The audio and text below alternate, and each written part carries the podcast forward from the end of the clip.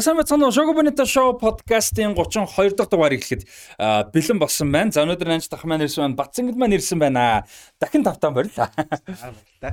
За өнөөдрийн дугаараар өнгөрсөн 7 хоногт болсон Европын лигүүдийн тоглолтууд, за зарим нэг гоё шин амжилтууд тийм талаар ярилцсан. За 2 дугаар хэсгээр бол биднэд ууг нь өөр зүйл төлөвлөсөн байсан. За гэхдээ бидэд 2 дугаар хэсгийг бас нэг тийм хатуу одоо яг яг ингэх ёстой гэж ханддаггүй юм бас давуу тал нь юу гэхээр тухайн 7 хоногт тухайн цаг үед бас шин том мэдээ мэдээл гарах юм бол тэрний талаар ярих боломжийг бол 2 дугаар хэсэгт гардаг. За тэр нь бол энэ 7 хоногт Манчестер Ситигийн одоо Манчестер Сититэй холбоотой том мэдээлэл байгаа та бүхэн маань бас энэ тэнд харсан бах тэрний талаар айл болох бас мэдээлэлтэй ярилцах хичээе. За тэгээ 3 дугаар хэсэгт нь бол өнөөдөр маш гоё стори бэлдсэн байгаа. За юуны тухай бэлдсэн байгаа лээ? За манай нөгөө стори болон яваад дөрөвдөх дугаар одоо болж байна те. За тэгээд нэвтрүүлгийн үздэг бас хүмүүс маань гудамж нь тэн тэн таараад танаа стори их гоё болж байгаа шүү гэд бидэнд их урам зориг өгч байгаа. За өнөөдөр тэгээ бас их гоё сонин стори юу яах вэ гэж нилээн ботсон тэгээд одоо алдарт агуу ССБ одоо Европт хэрхэн ирсэн тухай бас их сонирхолтой түүх байд юм байна. Хүмүүс бас төдийлөн мэддэг. За үүнийг бол бас чадан ядан ярих болно. За яста домогт Португалийн домог те Европын хөлбөмбөгийн домог Евсебигийн талаадаг бол гоё ярих нэ. Евсебигийн талаар гэхээс илүү Европод ирсэн гэдэг талаар нь те.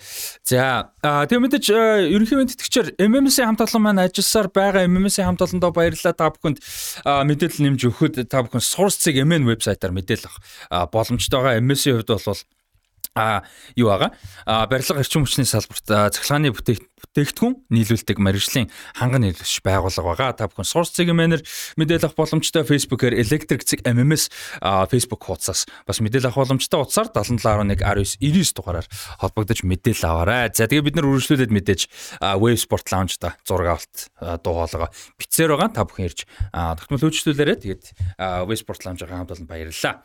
За тэгэд э, яг өнгөрсөн лооны тоглолтууд руу орохоос өмнө 32 дугаартай саанд орж байгаа хөлбөмбөгч байна. 32 дугаартай тоглолдог тоглолдог байсан тийм тоглогч байна. Өнөөдөр ч одоо 32 дахь дугаар юм шүү дээ.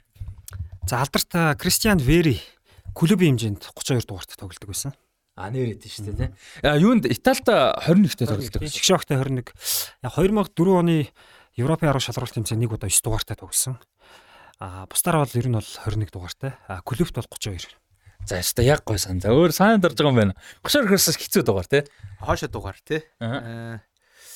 Эмил Смитрови 32 дугаартай тоглолт гэсэн. Арсеналын академи одоо бол 10 дугаартай болцсон. А тийм шүү дээ. Монгол санаанд орж ирэхгүй. Арсенал гэснээс Тио Волк 32 байсан шүү дээ. Тэ? Оо тийм шүү дээ. Анх гарч ирэхэд тий. Тэгээ дараа нь 14 болдог. Арсеналын домогт 14 явсан шүү дээ тий. За гоё санаж. Тэгээ манай э, үзэж байгаа сонсож байгаа хүмүүс гоё нөхөд нөхөд гоё нэмээд бас саанд орж байгаа дугаар 32 дугаартай тоглолтог тоглолчтой хуваалцаарай. Ерөнхий ивент гэгч MMS The Future is Electric. Ерөнхий ивент гэгч MMS Green Building. Өнгөрсөн 7 хоногт Премьер лигийн 22 дугаар тойрог тойргийн тоглолтууд явагдсан байна. Челси Фулхэм тэнцсэн. Шон Дайч дасгалжуулагч Эвертон тэрэд анхны тоглолтонд тэргүүл лигийн тэргүүлэгч Арсеналыг нэг тийг харцаадаа буулгаж авсан. За энэ тоглолтод таараас асууя. Хоёр хэсэгтэй асуулт байна л да. Нэг нь яг одоо шинэ дасгалжуулагч ирэхээр нэг тоглолт нэг сэрэгдэг штэ багууд те. Яг нэг урт хугацаанд биш ч гэсэн шууд. За энэ тэрний үр дүн мөн үү? А дээрэс нь Арсеналын тоглолтод хожигдсон яг уйлралт хэрэгтэй хожигдол гэж нэг байдаг те нэг тийм амардаг амраад авчдаг ч юм уу одоо сэтгэл санаа талаас нэг хожигдоод нэг сэргээд авах ч юм уу тийм байж чадах уу гэж э, асууя. За цэнгэлээс эхэлчих. За. За. А Шондайч ирсэн нь бол энэ тоглолтод одоо Эверто хожиход бол хамгийн том нөлөө үзүүлсэн нь бол бас ойлгомжтой л доо. Тэгээ Шондайч дөнгөж ирснийхээ дараа хөвлэн бах урал дээр юу гэж хэлсэн бэ гэхээр бид нар ерөөсөө л талбай дээр тулд холноо л гэж хэлсэн. Яг тэрийг бол харуулсан. Тэгээд Шондайч ирсэн эхний тоглолтод Эвертон клуб багаараа 116 км гүйсэн нь энэ үйлрэлт хамгийн их Эвертны хувьд бол гүйсэн тоглолт нь болсон. Тэрнээс өмнөх үзүүлэлт нь бол бүр 10 дугаар сард Эвертон 113 км нэг тоглолтод гүйс үзүүлэлтээс юм байлээ. Тэгээд Шондайч ирэнгүүтээ Эвертон тийм 3 км илүү багаараа гүйж байгаа. Тэгээ нэг хүнд ногдож байгаа зайн 300 м буюу одоо хөл өмгийн талбаар бол 3 удаа тий ингэж гүйц гүйсэн одоо тийм гүйлтийг нэмэхээр угаасаа энэ тоглолтод ийм үр дүн гарахаас үр аргагүй байдалд хүрэж байгаа. Тэгээд маш өндөр зохион байгуулалттай. Тэгээд Шондайч бас гоё тасгалжуулагч Тий хэдийгээр яг бөөрнлээд байхдаа нэг жоохон одоо хамгаалдаг ч юм уу одоо жоохон сөрөг хөлбөмбөг үзүүлдэг гэсэн одоо гэж хүмүүс ярьдаг байсан боловч тэр чи байгаа нөөцийн хүрээнд л хамгийн сайнаар тоглуулж байгаа нь тэр. Эвертон бол арай илүү угаасаа чадамжтай нөөцтэй баг айгүй гоё тоглолтуудыг ер нь бол үзүүлэх байх гэж бодож байна. Тэгээ хоёр дахь нь бол За хэрэгтэй ихээсээ илүүтэйгээр магадгүй зүгээр угаасаа л нөө эргэстэй хожигдол нугаас ирсэн байх гэж харж байна. Арсенал левд бол тэгээд энд энд одоо Эвертонтэйсэн тоглолтын нь бол хоёр том хожил байгуулсан. Тоттенхэмийг хоцсон, Манчестер Юнайтыг хоцсон байсан. А тэгээд энэ ч бас нөгөө нэг тоглогчдын одоо сэтгэл зүйн бэлтгэл, биеийн бэлтгэлжилт эдргээл маш өндөр түвшинд байн байлгаж иж нөө тогтмол ингэж хожиж угаасаа явдаг. А тэгэхээр угаасаа л нөө хүн чинь хүн юм болохоор унах тохиолдол угаасаа байдаг. Тэгээ тэр нь саяны тоглолтын дээр ер нь таарсан юм болов гэж ер нь бол харж байгаа. Тэгээ одоо буцаад дараа дараагийн тоглолтууд эргээд хурдан сэргээсэй л гэж одоо бодож байна. Тэгвэл ялцчгүй л зүгээр цаг хугацааны л юм байсан л да. Хинд аль багт хизээ хожигдох вэ? Энэ хаврын үйлрэл те. Хавар чи ер нь бол инжил бүр урт болох гээд шүү дээ. Хизээ яг аль баг дээр нөгөө нэг форм нь унах ч юм уу ядалт гарах те тэр нь таарах вэ гэдэг ус байсан байна те. За тэгэлгүй яах вэ? За хүлэн бүг гэдэг бол ерөөсөө сэтгэл зүй. Одоо юу гэдэг нь шинэ дасгалжуулагч ирээд нэг хэдхэн хоногийн дотор тэр багийг ингээд хүмүүсийг одоо мундаг ур чадвартай болгож байгаа зүйл ерөөсөө байхгүй шүү дээ. Ерөөсөө сэтгэл зүй. Одоо нэг албан байгууллагт одоо юу гэдэг нэг дарга солигдоход бас нэг тэр байгууллагын ажлын хэсэг явдаг шүү дээ тий. Одоо шинэ удирдлагатай хүмүүс өөрийгөө харуулах гад яг түүнтэй адилхан шинэ менежер ирэнгүүт бас олон тоглогч бас өөрсдөг бол шахаж бол э, дайцалдаг. А үүнийг бол одоо нөгөө нэг шинэ менежерийн одоо баунс гэж хэлдэг шүү дээ. Яг л тийм зүйл бол болсон. За гэхдээ Эвертон бол би зүгээр ойрд бас Эвертоны тоглолтыг бүтэн үзээгүйсэн. Сая ингээ үзсэн чинь бүрэлдэхүүн бол их бас аятайхан бүрэлдэхүүн байлээ шүү. Английн бас алдартай баг. Үнэхээр одоо муудц юм уу гэсэн чинь бас биш. Бас гой гой тоглогчнор том том нэрс бол энэ багт байлээ. Зөвхөн одоо өмнөх тасгалжуулагчдаа одоо энэ тоглогчтойгоо харилцах тал дээр болон зохион байгуулалт тал дээр бас жоохон алддаг байсан болоо да. За Эвертон бол ингээд бүтэн бол яг хоо ерөнхийдөө бол багаараа маш сайн хамгаалсан. Гэхдээ шахах үедээ бол бас маш эвгүй урагшаа шахаж Арсеналыг бол эвгүй байдалд бас оруулж байсан. За Эвертоны бол 2 дугаар давхрын тоглолт бол үнэхээр бас аюултай мэл. Яг булангийн цохилт болох үед бол яа харахгүй маш том аюул бол байсан. Тэгээд Эвертон маш хэрэгтэй чухал ялт байгуулсан. За хоёр дахь асуулт нь Арсеналд энэ хэрэгтэй байсан уу те. Яг одоо зүгээр хэрэгтэй хожигдлохэр зарим хүн бас гайхаж магадгүй л. Яг баг бол хожигдж болно зүгээр яг хожигсны дараагийн тоглолтоос бас их зүйл шалтгаалдаг. Үнэхээр одоо юу гэдэг дараагийн тоглолтондоо ингээд эргэж тоглолтоо олоод явах юм бол баг тэр хожигдсон баг одоо зөвч гэмээр юм уу те. Аа дараагийн тоглолтондоо оноо халдаал эхлэх юм бол тэр бол бас жоохон буруу тишэл болдог. Одоо энэ жил жишээ нь Наполи биш үү? Наполи Италийн Сериад хожигдохгүй явж байгаад нөгөө Интерт хожигдсон шүү дээ. Тэр нь баг зүв болчих жоох те. Бүр сэрхсэн. Тий, яг л тийм. Тэгэхээр одоо Арсеналын хувьд энэ хожигдол зүв байсан уу, юу байсан бэ гэдгийг бол дараагийн тойргийн тоглолтууд харуулнаа. За дараагийн тойрог гэснээс Арсеналын хувьд бол дараагийн тойрог талбай дээр Брентфордыг хүлээж авч тоглох байртай байгаа. Тэрний дараа дахиад талбай дээр Манчестер Сити, а тэрний дараагаас бол Астон Виллагийн талбай дээр тоглох. Тэгэхээр ер нь яг дараагийн хоёр тоглолт бол их бас чанга хоёр тоглолт байна шүү дээ. Ялангуяа Брентфорд Ситигийн хувьд бол за Арсенал Эвертон дээр нэмэгдүүл байгаа таарт. Тий. А зүгээр Шондайчи жоохон онцолчих гэж бодож байна. Тэгээ тоглолтын явцад Шондайчигийн хийсэн өөрчлөлтүүд энэ тоглолтод аягүй том нөлөөг үзүүлсэн. А тэрний нэг жишээ нөх юм бол нөгөө нэг товтлооны 3 тоглогч гаргасан. Калверт Левин а тэгээд Ивоби, Макнел юу Макнел. Гайд Макнел та. Тий. Биш хин. Өө андуурч нөгөө нэг тэр чин юунаас Бөөрнлигээс цуг ирсэн штэ. Хин блэ? Макнил. Би одоо яг нэр нь орж ирдэггүй. А энэ гурав давталгаан дээр одоо орж ирсэн. А тэгээд ерөнхийдөө бол одоо нэг гурван давталгааны тоглогч Нийнээс жоохон зайтай тоглосон. Нөгөө хоёр нь бүр хоёр жигүүрлүү гараад ирсэн. Тэнгүүт нөгөө нэг алсын дамжуулалт Калверт Ливен дээр ирэнгүүт Калверт Ливен бөмбөг аваад дараагийн тоглолтоо товтлогоо үргэлжлүүлэх гэхээр ерөөсө товтлогоо явж өгөхгүй нөө хитрхи хол зайтай байсан учраас бөмбөг заслаад исэн бол а тэр тоглолтын дундуур 30 дахь минутын орчимд Шон Дайч нэг орилж зөвлөгөө өгöd, дуудаж зөвлөгөө өгöd. Тэгээд тэр хоёрын жигүүрийг нь солиод тэгээд дээрэс нь илүү Калверт Ливентэй ойрхон тоглосон заавар өгсөн. Тэгээд ойрхон тоглоод эхлэнгүүт Калверт Ливен бөмбөг авангуудаа 1 2 ойрхон дамжуулдаг өгөн ингэснээр л нөө тоглоом нэг л хурцаалгаад эхэлсэн л дээ. Тэр нь тэгээд тоглолтыг дуустал яг тэр гурав тийм байдалтай маш ойрхон хоорондоо тоглосон. Тэгээд тэр нас ер нь бол тоглолтыг ингэж илүү хурц олгох, Эвертнийг илүү аюултай болох гол өөрчлөлт болсон юм болов гэж ер нь бол харагдчихсан. Тэгээд Шондажаас гадна нөгөө хин Калверт Леон гимтлээсээ эргэж ирээд тэгээд доктортой хідэн тоглолт бас дараалаад ялангуяа улирал дуустал бас тоглолчвол багтаа их хэрэгтэй байна тий. Ер нь бас сүүлийн хоёр улирал калортлын тогтмол бол тоглож чадаагүй шүү дээ гимплээс болоод. Өнгөрсөн улирлыг нэг гоё ихлүүлсэн тий. Нэг ихлүүлсэн тий. Тэгээд Тэгээд гимтээ даалга болцсон шүү дээ. Тэгээд бас жоохон хайран тий. Нэгээс Английн шоктод Кени яг үндсэн сэлгээ гэж хүртэл явж ирсэн шүү дээ. Заавадгүй Кенийг ярина. Манай Tottenham фэнүүдээс хүлээж байгаа хаа.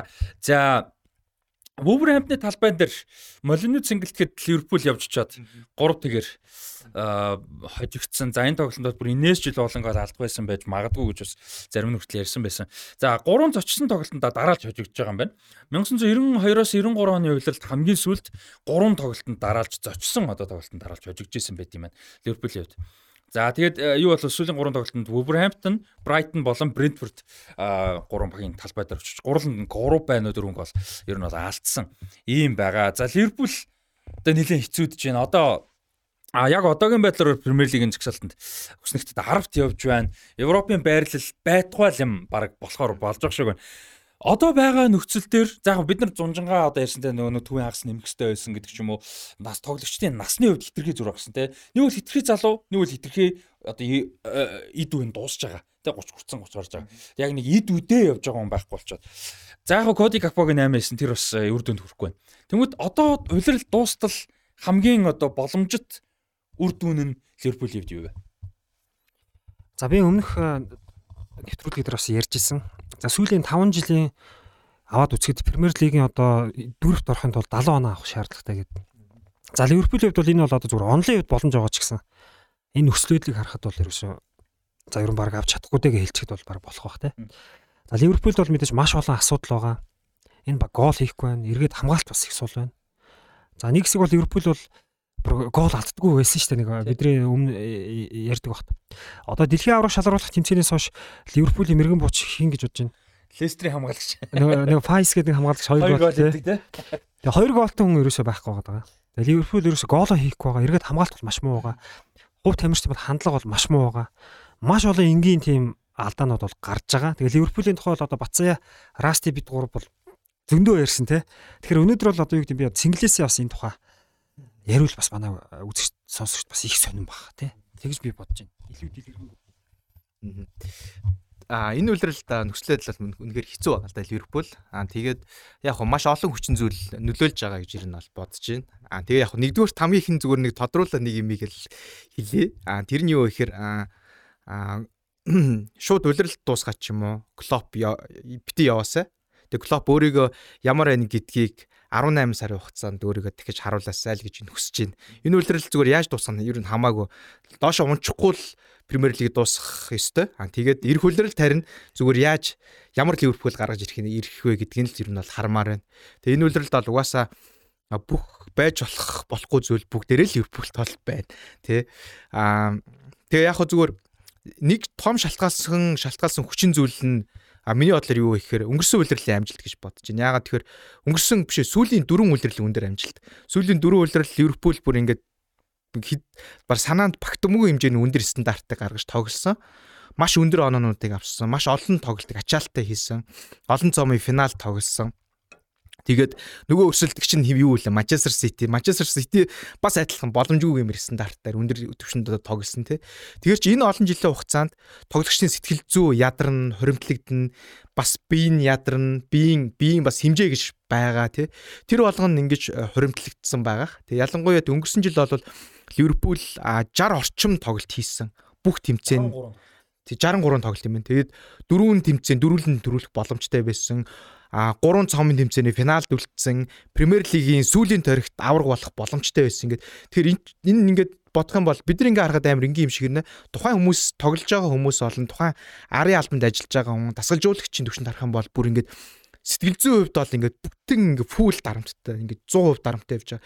Тэгээд ингэж явж хагаад хамгийн харамсалтай нь хоёр чухал тэмцээнд хоёуланд нь хоёрт орчингууд эргээс сэргэлт ер нь бол авч чадаагүй байх. Тэгэл одоо энэ жил ингээл нэг орон гарan нэг гунцсан байдалтай л явж байгаа. Тэгээд яг хаа магадгүй энэ үйлрэлт ингээд доош унж шалдаа буутал буугаад энэ зүүн сайхан ингээ те өөртөө цэнэглээд ирэх намраас тий намраас нэг арай өөр арай өөрч яг өмнөх Ливерпулийн ирч хүчтэй тэг ороод ирээсэй л гэж бодож байна. Тэгэхээр бол энэ зүгээр маш олон жилийн хоримтлагдсан л ядрал нь биеийн бол сэтгэл зүйл гэж харж байна. Ер нь бол тэгээд өөр хүмүүс шинэ оновчтой 8 минутаас хийгээсэ Тэгвэл эргээ гой сэргээ гараад ирэх байхаа. Тэгээд яг зүгээр шин солилцоонууд байгаа. Тэр Ньюнес байгаа, Гакпо байгаа. Тэгэд бас хугацаас өгөх хэрэгтэй чин Гакпо бол жишээ нь юу гэдэг чи ирээл нэг 45 л ханж шít те. Болоогүй магадгүй ирэх намраас жинхэнэ Гакпо харагдах байх. Тэгээд дээрээс нас Ливерпулаас нэг жоохон азгүй өмнө их гимтэлтэй байла. Довтлооны хоёр гол тоглогч нь гимтсэн шүү дээ. Одоо Диего Жота, а Люс Диас хоёр. Энэ хоёр байсан бол бас арай өөр үр дүр зураг харагдах магадлал байсан байх. Дийлж мэдгүй л дээ. Тэгээ бас хагас хамгаалт эдэр дээр гимтлүүд эдэр байна гэл юмнууд байна. Тэгээ бэртэл гэмтэл дээр нэмээд форм одоо сая бас гэмтэл гэмтэл Конате гэмтсэн байгаа тий Вандайкус гэмтсэн. Тэгээ сая Жул Матипхийн хоёр Жо Гомес хоёр хамтарч тоглолоо л да. Тэгсэн чинь сонирхолтой тэгжэлээ. Түүхэндээ Ливерпулийн карьертаа түүхэндээ дөнгөж 5 дахь удаага төвийн хамгаалтан дээр хамт гарч байгаа маань энэ хоёр. Тэгэхээр ер нь бол хажууд нь Конате юм уу Вандайк заавал гардаг те тэгжээж хамтарч тоглолдог. А тэгээ дээрэс нь бас нэг нөө удирдлагын системийн талаас бас хийдэд асуудал байна. Одоо удирдлага Fenway Sports Group зарах гэдэг нь яах гэдэг нь удирдлага нь одоо иймэрхүү юм тодорхойгүй байгаа нөхцөл нэг яг гакбокс авлаа л да 100 нүнезийг авсан. А гэхдээ яг нөө хэдүүл ярьсан үргэлжилж тогтмол шинжилт хийх хэрэгтэй. Одоо 10 10 8 оноос за би манай үзэгчд э, сонсож хүмүүс илүү баттай мэдвэл засаарай. Би бол миний санаж байгаагаар 18 оноос хойш нийт хийсэн 8 зарсан оруулсан бүх 8-нуудын зөрүүг харсан чинь City 4 дахин илүү мөнгө зарсан байгаа байхгүй. А тэгэхээр тэр чинь яг тэгж тим хэмжээнд явж иж Сити ийм хэмжээнд явж байгаа тий. Аа тэгээд том багууд ер нь бүгд л ийм. Одоо үед ийм жил болгон Champions League одоо Premier League юу гэдэг Ла Лиг юу гэдэг бүх юм жил болгон авах хэрэгтэй юм шиг өсөлтөж байгаа бол жил болгон шинжилт хийж. Тэр нэг мөнгө зараад байгаадаа биш шинжилт хийгээд байгаа даа. Сэтгэл зүйн үед, бүрэлдэхүүний үед. А тэгээ энэ дэр нэмээд бас нөгөө нэг удирдлага гэдгийн төрөөр ярьжсэн. За Fenway Sports Group яахан тодорхойг байна. Тодорхой хэмжээний хувьцаа зарах гэдэг юм уу, бүтэн зарах гэдэг юм уу те ингээд нэг хэсэг Катар хүртэл яригдлаа. А тэгэнгүүт нөгөө нэг юм нь спортын захирал Michael Edwards болоод Julian Ward байсан, Ward залгамж халааны ярьжсэн ажлаа өгөхөр болсон. Одоо л дуусаад. Одоо Ward-ийг хэн залгалах заламж авах нь тодорхойг одоо хүртэл. А тэгээд research ба одоо судалгаа гэх юм одоо тэгэж орчуулж баг. Research-ийн нь одоо department хариуцдаг том захирал нь бас ажлаа хүлээлгэж өгөхөр болж байгаа маань үйлдэл дуусаад. Тэр бол маш том бас их хэсэг тий. Ингээд иймэрхүү асуудлууд бол ямар ч байсан байгаад байна. Дээрээс нь Юрген Клопын одоо долоод хуйлрал болго ингэдэг гэсэн нэг юм байна шүү дээ. Майнцдын гэсэн, Дор Боруссия Дортмундын гэсэн. А гэхдээ би бол бас ингэлдээ санал яг нэг байна. Яг юу ах хэрэгтэй бах тий. Хүлээх хэрэгтэй бах. За би бол ингэж бодож байгаа. Ливерпул яагаад ингээ муу байна вэ гэхээр За өнгөрсөн улирлын сайн амжилт нөлөөлж байгаа гэдэг нь үнэ. Яаж нөлөөлсөн бэ гэхээр за Ливерпул бол өнгөрсөн улирлыг бол маш сайн гэж дүгнэн штэ. Тийм тийм супер те. За дөрүлэг нь авсан бол бүр супер. А яг хоёрт нь бол бас төрүүлэх боломж байснаг үл байсан. А тэгэнгүүт Ливерпулийн гол алдаа юу вэ гэхээр бид нар болж ийн л гэж бодсон байхгүй. Клоп тийм Клопын баг бол өмнө ингээд жил болгон Клопын тухай би нийтлэл уншиж хахад Клоп бол өөрөө өөртөө өөрсөлдөг гэж байгаа байхгүй. Бусдтай биш те. Ингээд бага дандаа шинжилдэг. А Клоп Өнгөрсөн жил одоо юу гэдэг баг нь ингээд дөрөв тэмцээнд төрүүлэх боломжтой байна гэдэг бол бид нар болж ийнгээ ботцсон л ерөөсөө олигтой шинжил хийгээгүй. Зөвхөн Дарвин нүнээс ирлээгээд энэ бол шинжил биш шүү дээ. Тэгээ одоо түүнийхэн горыг л амсаж байгаа. За мэдээж Ливерпулийн тоглогчд Клопыг бол хүндлэхгүй байгаа хэрэг бол биш. Гэхдээ үнэхээр удаан нэг дасгалжуулагч нэг тоглогч нарын хоорондоо удаан ажиллах юм бол бас бас жоохон асуудлууд гардаг. Энэ бол юу ч амьдрал дээр угаасаа байдаг зүйл. Мэдээж дасгалжуулагч хүндлэхгүй байгаа биш. Гэхдээ л одоо юу гэдэг нөгөө өмнөх ирч хүч нөгөө юм хам бас байхгүй болдог. Одоо бас нэг тийм зүйл байдаг ш амьдрал дээр. Ийм зүйл бол Ливерпулд яваад байна.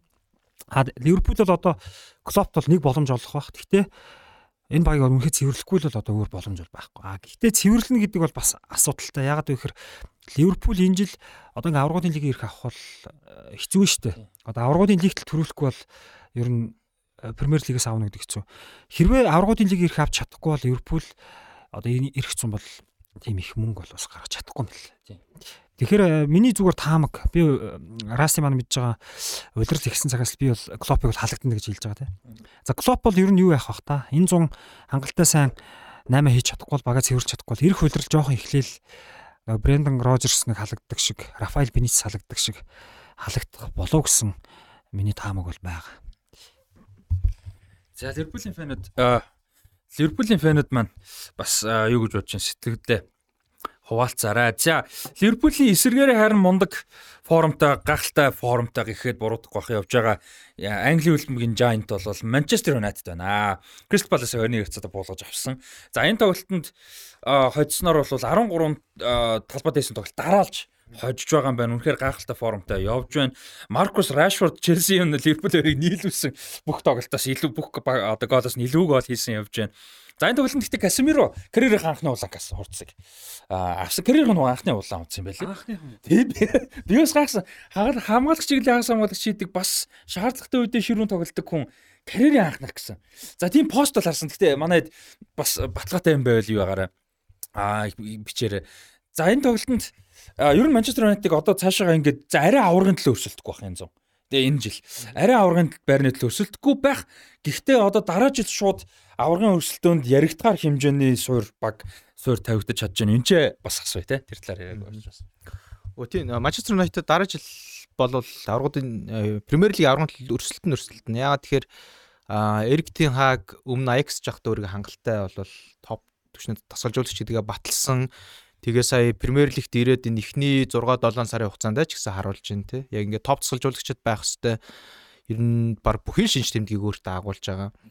А тоглолтын тоглолтын төлөвлөгөөгөө сайн гаргаж гин а юм болохгүй байх юм бол а зөрөгтөө өөрчилж чадчихээн а хин нэгin баг уур амьсгалыг эвдээд байх юм бол зөрөгтөө явуулж чадчихээн хин нэг муу тоглох юм бол тэрийг дараагийн тоглолтын дээр суулгаж чадчихээн а тэгээ нөгөөтэйгөр бусад багуудтай юу гэдэг чинь тохирсон тактикийн одоо өөрчлөлт сюрпризүүдийг хангалттай өгч чадчихээн энэ бол өөр нь энэ бол монд тасгалжуулагч гэдгийг бол хангалттай харуулж байгаа гэсэн үг тийм Тэгээд дараа жил бүр өшөө илүү чангараад ороод ирэн. Тэндээс ер нь бол баг бустаагүй дайж байгаа хаа.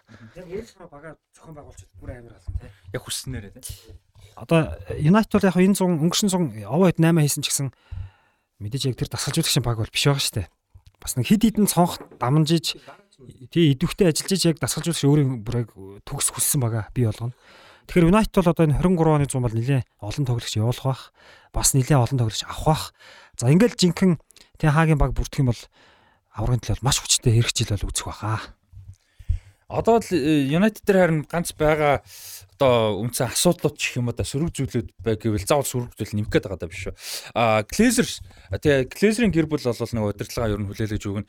Одоо зарна гэдэг юм бол яригадаад байгаа. Тэгээд саяхан болов шинэ мэдээ гарсан байлаа. Катарын шинэ бас нэг өөр одоо хүмүүс гэх юм уу да Катараас бол бас авах санал тавих юм бол яригдж байгаа юм байна. А тэгээ Glazer-ийн гэр бүл бол үнэ 6 тэрбум гэж тавьчаад байгаа юм байна. За 6 тэрбум нь бол маш өндөр үнэ. Зарим нэг спорт аналистууд бол харахтаа бол арай жоохон ихсэн үнэ үү үгүй юу гэж зарим нь ярьсан. А зарим нь бол Манчестер Юнайтед хэмжээний клуб Эрик Тенхаг шиг тасалжуулагч байгаа сэргэлттэй явж байгаа үед бол байж болохоор үнэ гэж ярьж байгаа. За Челсигийн үн бол жишээ нь 4 тэрбум хүртэл бол явсан. За Катарын гэхээр энэ дэр нэг том асуудал ярьж байгаа хэдүүлээ ярьсан. Өмнө Катарын Катар Investments юу гэж байгаа. Катар Investments юу вэ? Аа юу шигтэй байт юм а. Тийм. Ямар ч сан за тэр байгууллага бол юуг эзэмшдэг? Paris Saint-Germain-ыг эзэмшдэг. За энэ дэр бол өөр байгууллага одоо тусдаа санал ямар ч байсан тавина гэж яриад байгаа. Одоо яг тэр Катарын юуг эзэмшдэг хүмүүс Катарын Sports Investments тийм. А тэр бол биш ээ гэж яриад байгаа. Тэрэн дээр бол нэлээд судалгаа энэ төр явж те бас одоо баталгаатай болгох бах. Тэгэхгүй бол яг бас болохгүй юм шиг бэлээ л те том Европын том хоёр клуб нэг хүмүүс эзэмшиж. Тийм. А тэгээ юуны хүмүүс бол яг Манчестер Юнайтед Англи дахь фэнүүдийн илүү хүсэж байгаа зүйл нь бол тэр Sir Jim Ratcliffe гэсэн баг шүү. Хүн бэлээ. Тэр Английн бас том тэр бомтнуудын нэг юм байна. Маш хөрөнгөтэй нөлөөтэй хүн. За тэгээд мань хүний хувьд бол бүр хүүхэд байхасаа юм Манчестер Юнайтедийн фэн байна. За мань хүн бол ингээ 60 70 гарцсан. Тэгээ хүүхэд байхасаа Манчестер Юнайтед фэн хэрч одоо нөгөө амжилтгүй хэцүү хүнд явж байхсаа үдэн нүртэл дэмжиж явсан. Ийм мундаг хүн бас байдаг юм байна. За тэр хүнийг бол авчаасаа гэж илүү хүсэж байгаа юм. Ягаад гэвэл мэдээж амжилттай үед нь байсан биш. Нөгөө 60-аад оны үед нь дэмжсэн. Үгүй амжилттай байж үүдэн хоосон ч үүдэн тэгээ босон ч байдаг. Одоо бүх үеийг нь үзсэн. А тэгээд яг мань фэнүүд нь ягаад гэж юм хэр нэгдүгээр англи хүн. Тэгээ илүү ойр. А тэгээ нөгөө нэг байнга оролцоотой байх боломжтой. А тэгээ дээрэс нь юу гэдэг юм бас фэн тий өөрөө фэн. А нэмээд нөгөө нэг улс төр нийгмийн асуудлууд арай жоохон бага байх магадлал. Тэгвэл Катар ч юм уу Сауди Араб бас улс төр нийгмийн асуудлууд мэдээж их шүү дээ тий. А эдийн засгийн ч юм уу.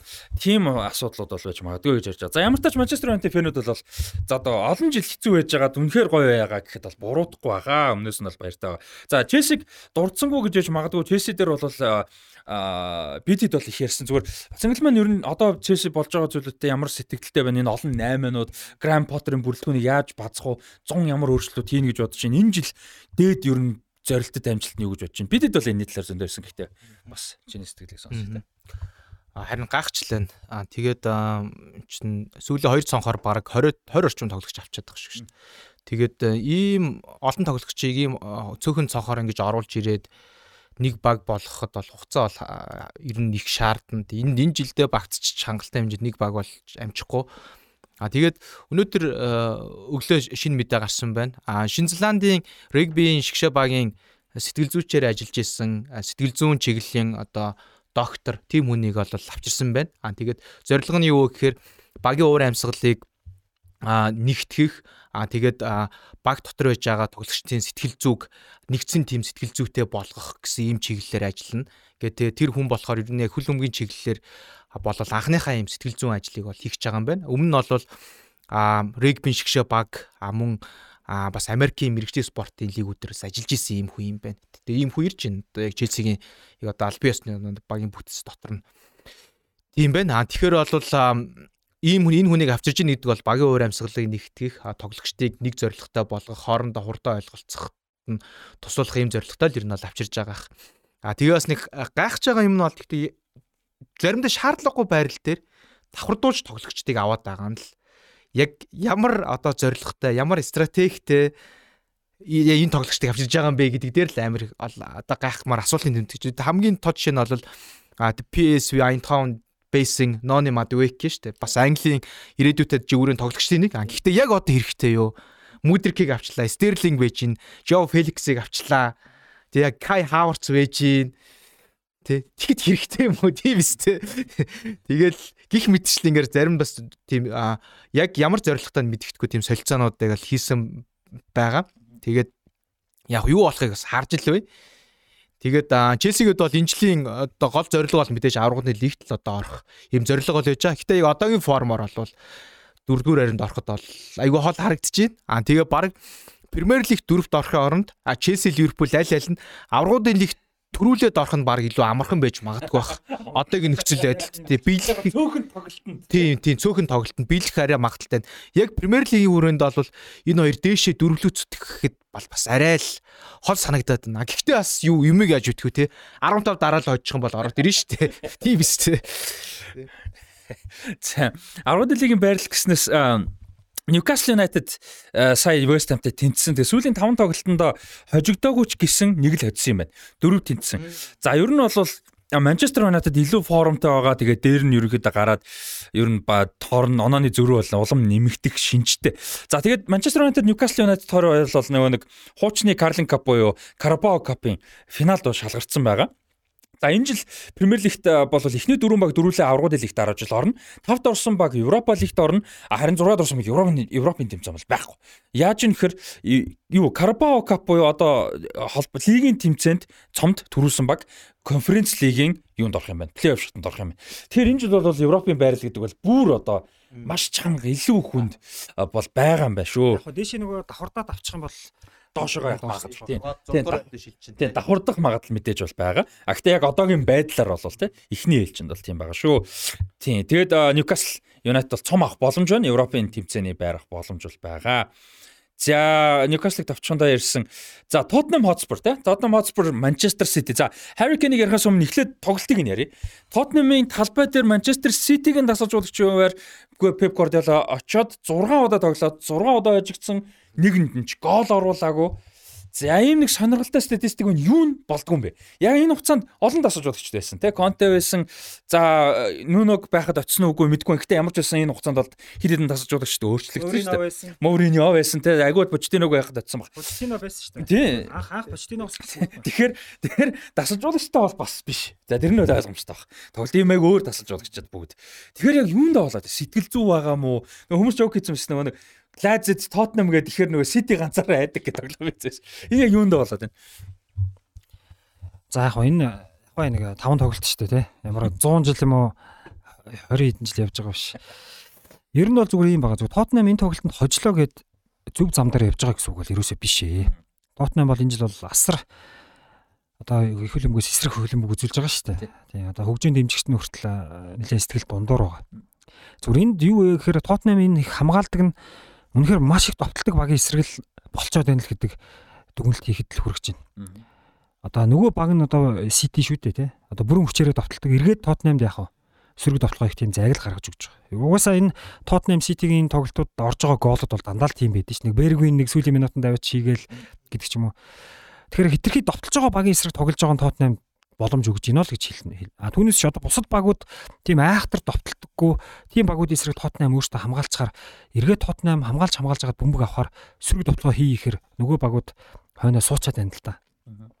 Тэгж л одоо дүгнэхээс өөр Тэгээд Тоттенхэм бас нэг юм сонин юм байна л да. Одоо энэ жил яг хүснэгт харахгүйгээр юу гэдэг статистик мэдээлэл юм харахгүйгээр зөвхөн Тоттенхэмийн ч гэлтгүү хөлбөмбөгийн фэнүүдээс асуул Тоттенхэм одоо энэ үлрэлийн амжилтыг дүгнүүл ер нь дундаж муу гэдэг ч юм уу. Ерөнхийдөө тиймэрхүү байх бах те. Ихэнхдээ л сэтгэл ханамж муутай ч гэдэг юм сайн байхгүй байгаа болохгүй. Ихэнхдээ сөрөг гэдэг байх бах. А тэг хүснэгт харангууд аврагууд лигийн байрнаас нэг онооны ард яваад байна л та.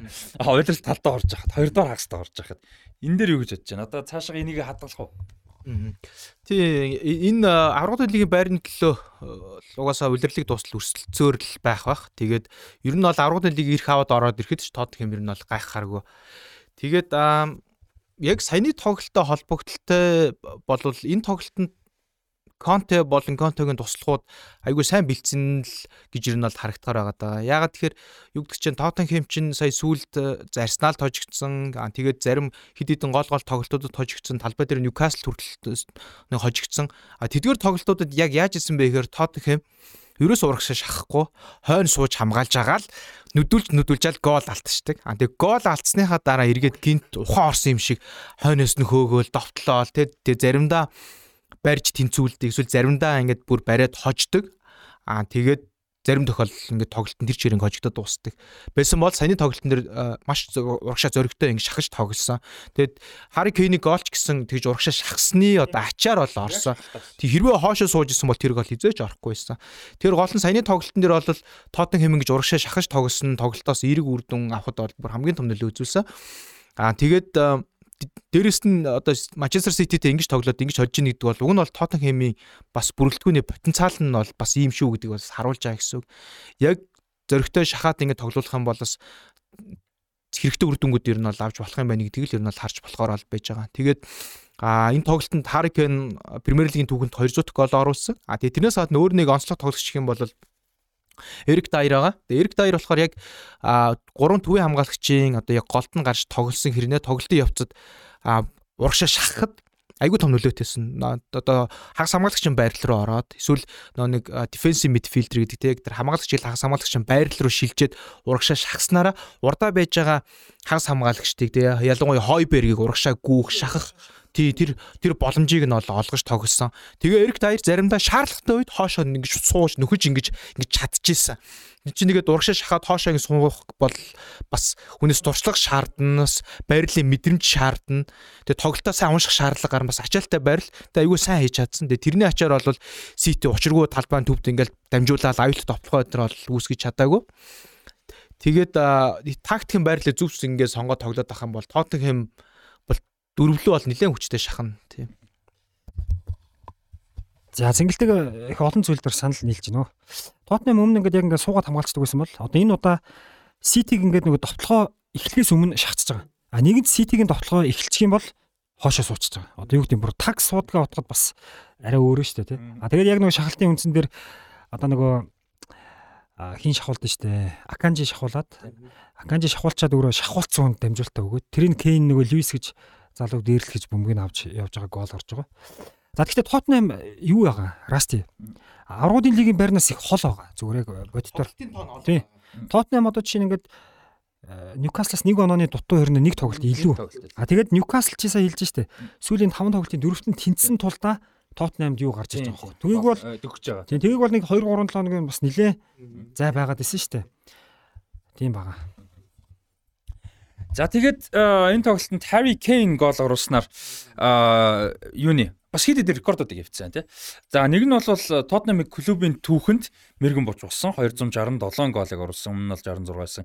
За тэгээд Tottenham-ын түүхэнд бол Jimmy Greaves 266 голтой байдаг.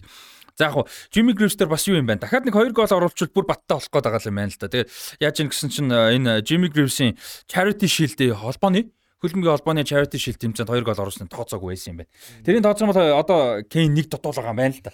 Английн супер цом гэсэн үг. Тийм супер цом. Тэгээ тэрийг нь тооцох юм бол тэр чинь аль бисны тэмцээн шүү дээ. Тэгэхээр бүх аль бисны тэмцээнд л нэг дутуу байгаа юм байна.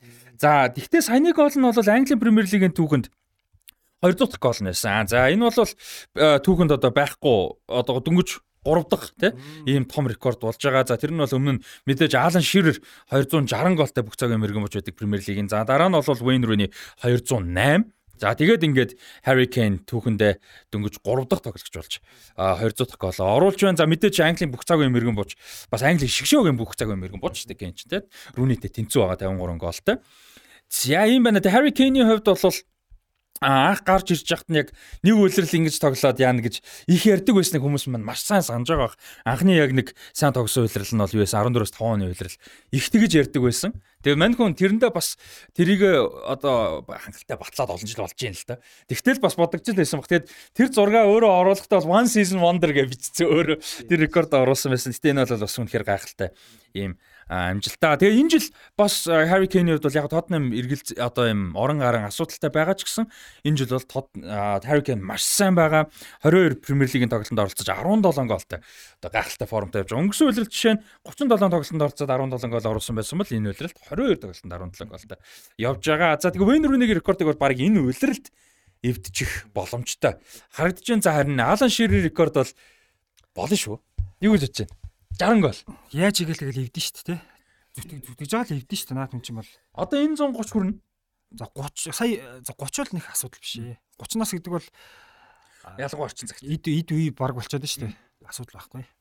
Alan Shearer рекордыг эдэн нийт итгэлтэй байна.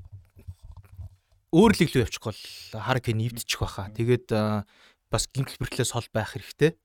Тэгээд магадгүй Премьер лиг дотор өөр баг руу тий. За юу гэдэг чинь Манчестер Юнайтед ч юм уу тий. Ирлээ гэж бодоход бол тэрэндээ доктортой тоглоо эвдчихэн л дээ хангалттай. Гол нь яг өөр баг уу тий. Бундслигээс ч юм уу, Ла Лигээс ч юм уу сонирхчаа баг зөндөө байгаа шүү дээ. Ла Лигээс бол Реал байна тий. Бундслигээс бол Байер Мюнхен байна. Сонирхож байна. Гол хийдэг хүн хэрэгтэй байгаа ба. Тий, тий. Энэ хоёр л авчихгүй тий Премьер лигтээ үлдвэл Алан Ширээр рекорд руу ойртон баг эвдчихэж байх. 60 гол гэдэг бол дунджаар 15 голоор дөрөв үлрэл гэсэн үг шүү дээ. Тэр бол Harry Kane одоогийн формоор айгүй боломжтой. За тэгэхээр Harry Kane түүхэн бас гоё амжилтыг өөрийн хувьд ингээд тогтоосон байна. Хоёр гол дахиад Premier Tottenham-д оруулаад яг баталгаатай ямар ч эргэлзээгүй бүгцэг юм юм болчиход болох юм байна.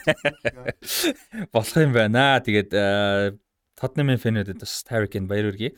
За үүний Harry татсан довтлогчтой Harry Kane яг хуу одоо олон том багуудын фэнүүдийн одоо зүрхэн шар ус хуруулсан баг. Гэхдээ бол яг хүл өмгчний хувьд бол үнэхээр хайр татам супер ухаантай довтлогч тоглолтын ухаан үнэхээр супер тэг голын мэдрэмжтэй гаргаж байгаа шийдвэр байна. Тэг супер багийн одоо тоглогч яг яг яг багийн лидер тийм хүн. Тэг тэр бол ярих юм бол байхгүй Harry Kane-тэй.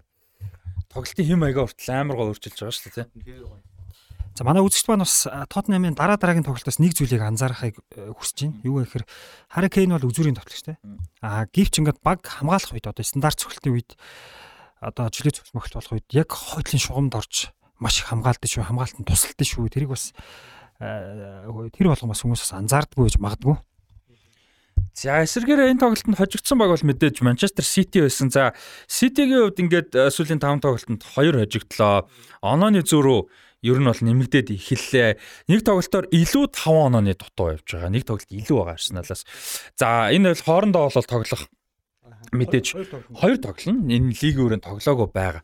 За энэ дээр харин одоо яг хэдүүлээ ярьжсэн шүү дээ. Сити бол за энэ жил бол яг бас одоо сүүлийн хэдэн жилийн Сити шиг бас биш байна. А гэхдээ Сити бол одоо 10 тоглолт ч юм уу дараалаад хожих потенциалтай чадвартай байгаа.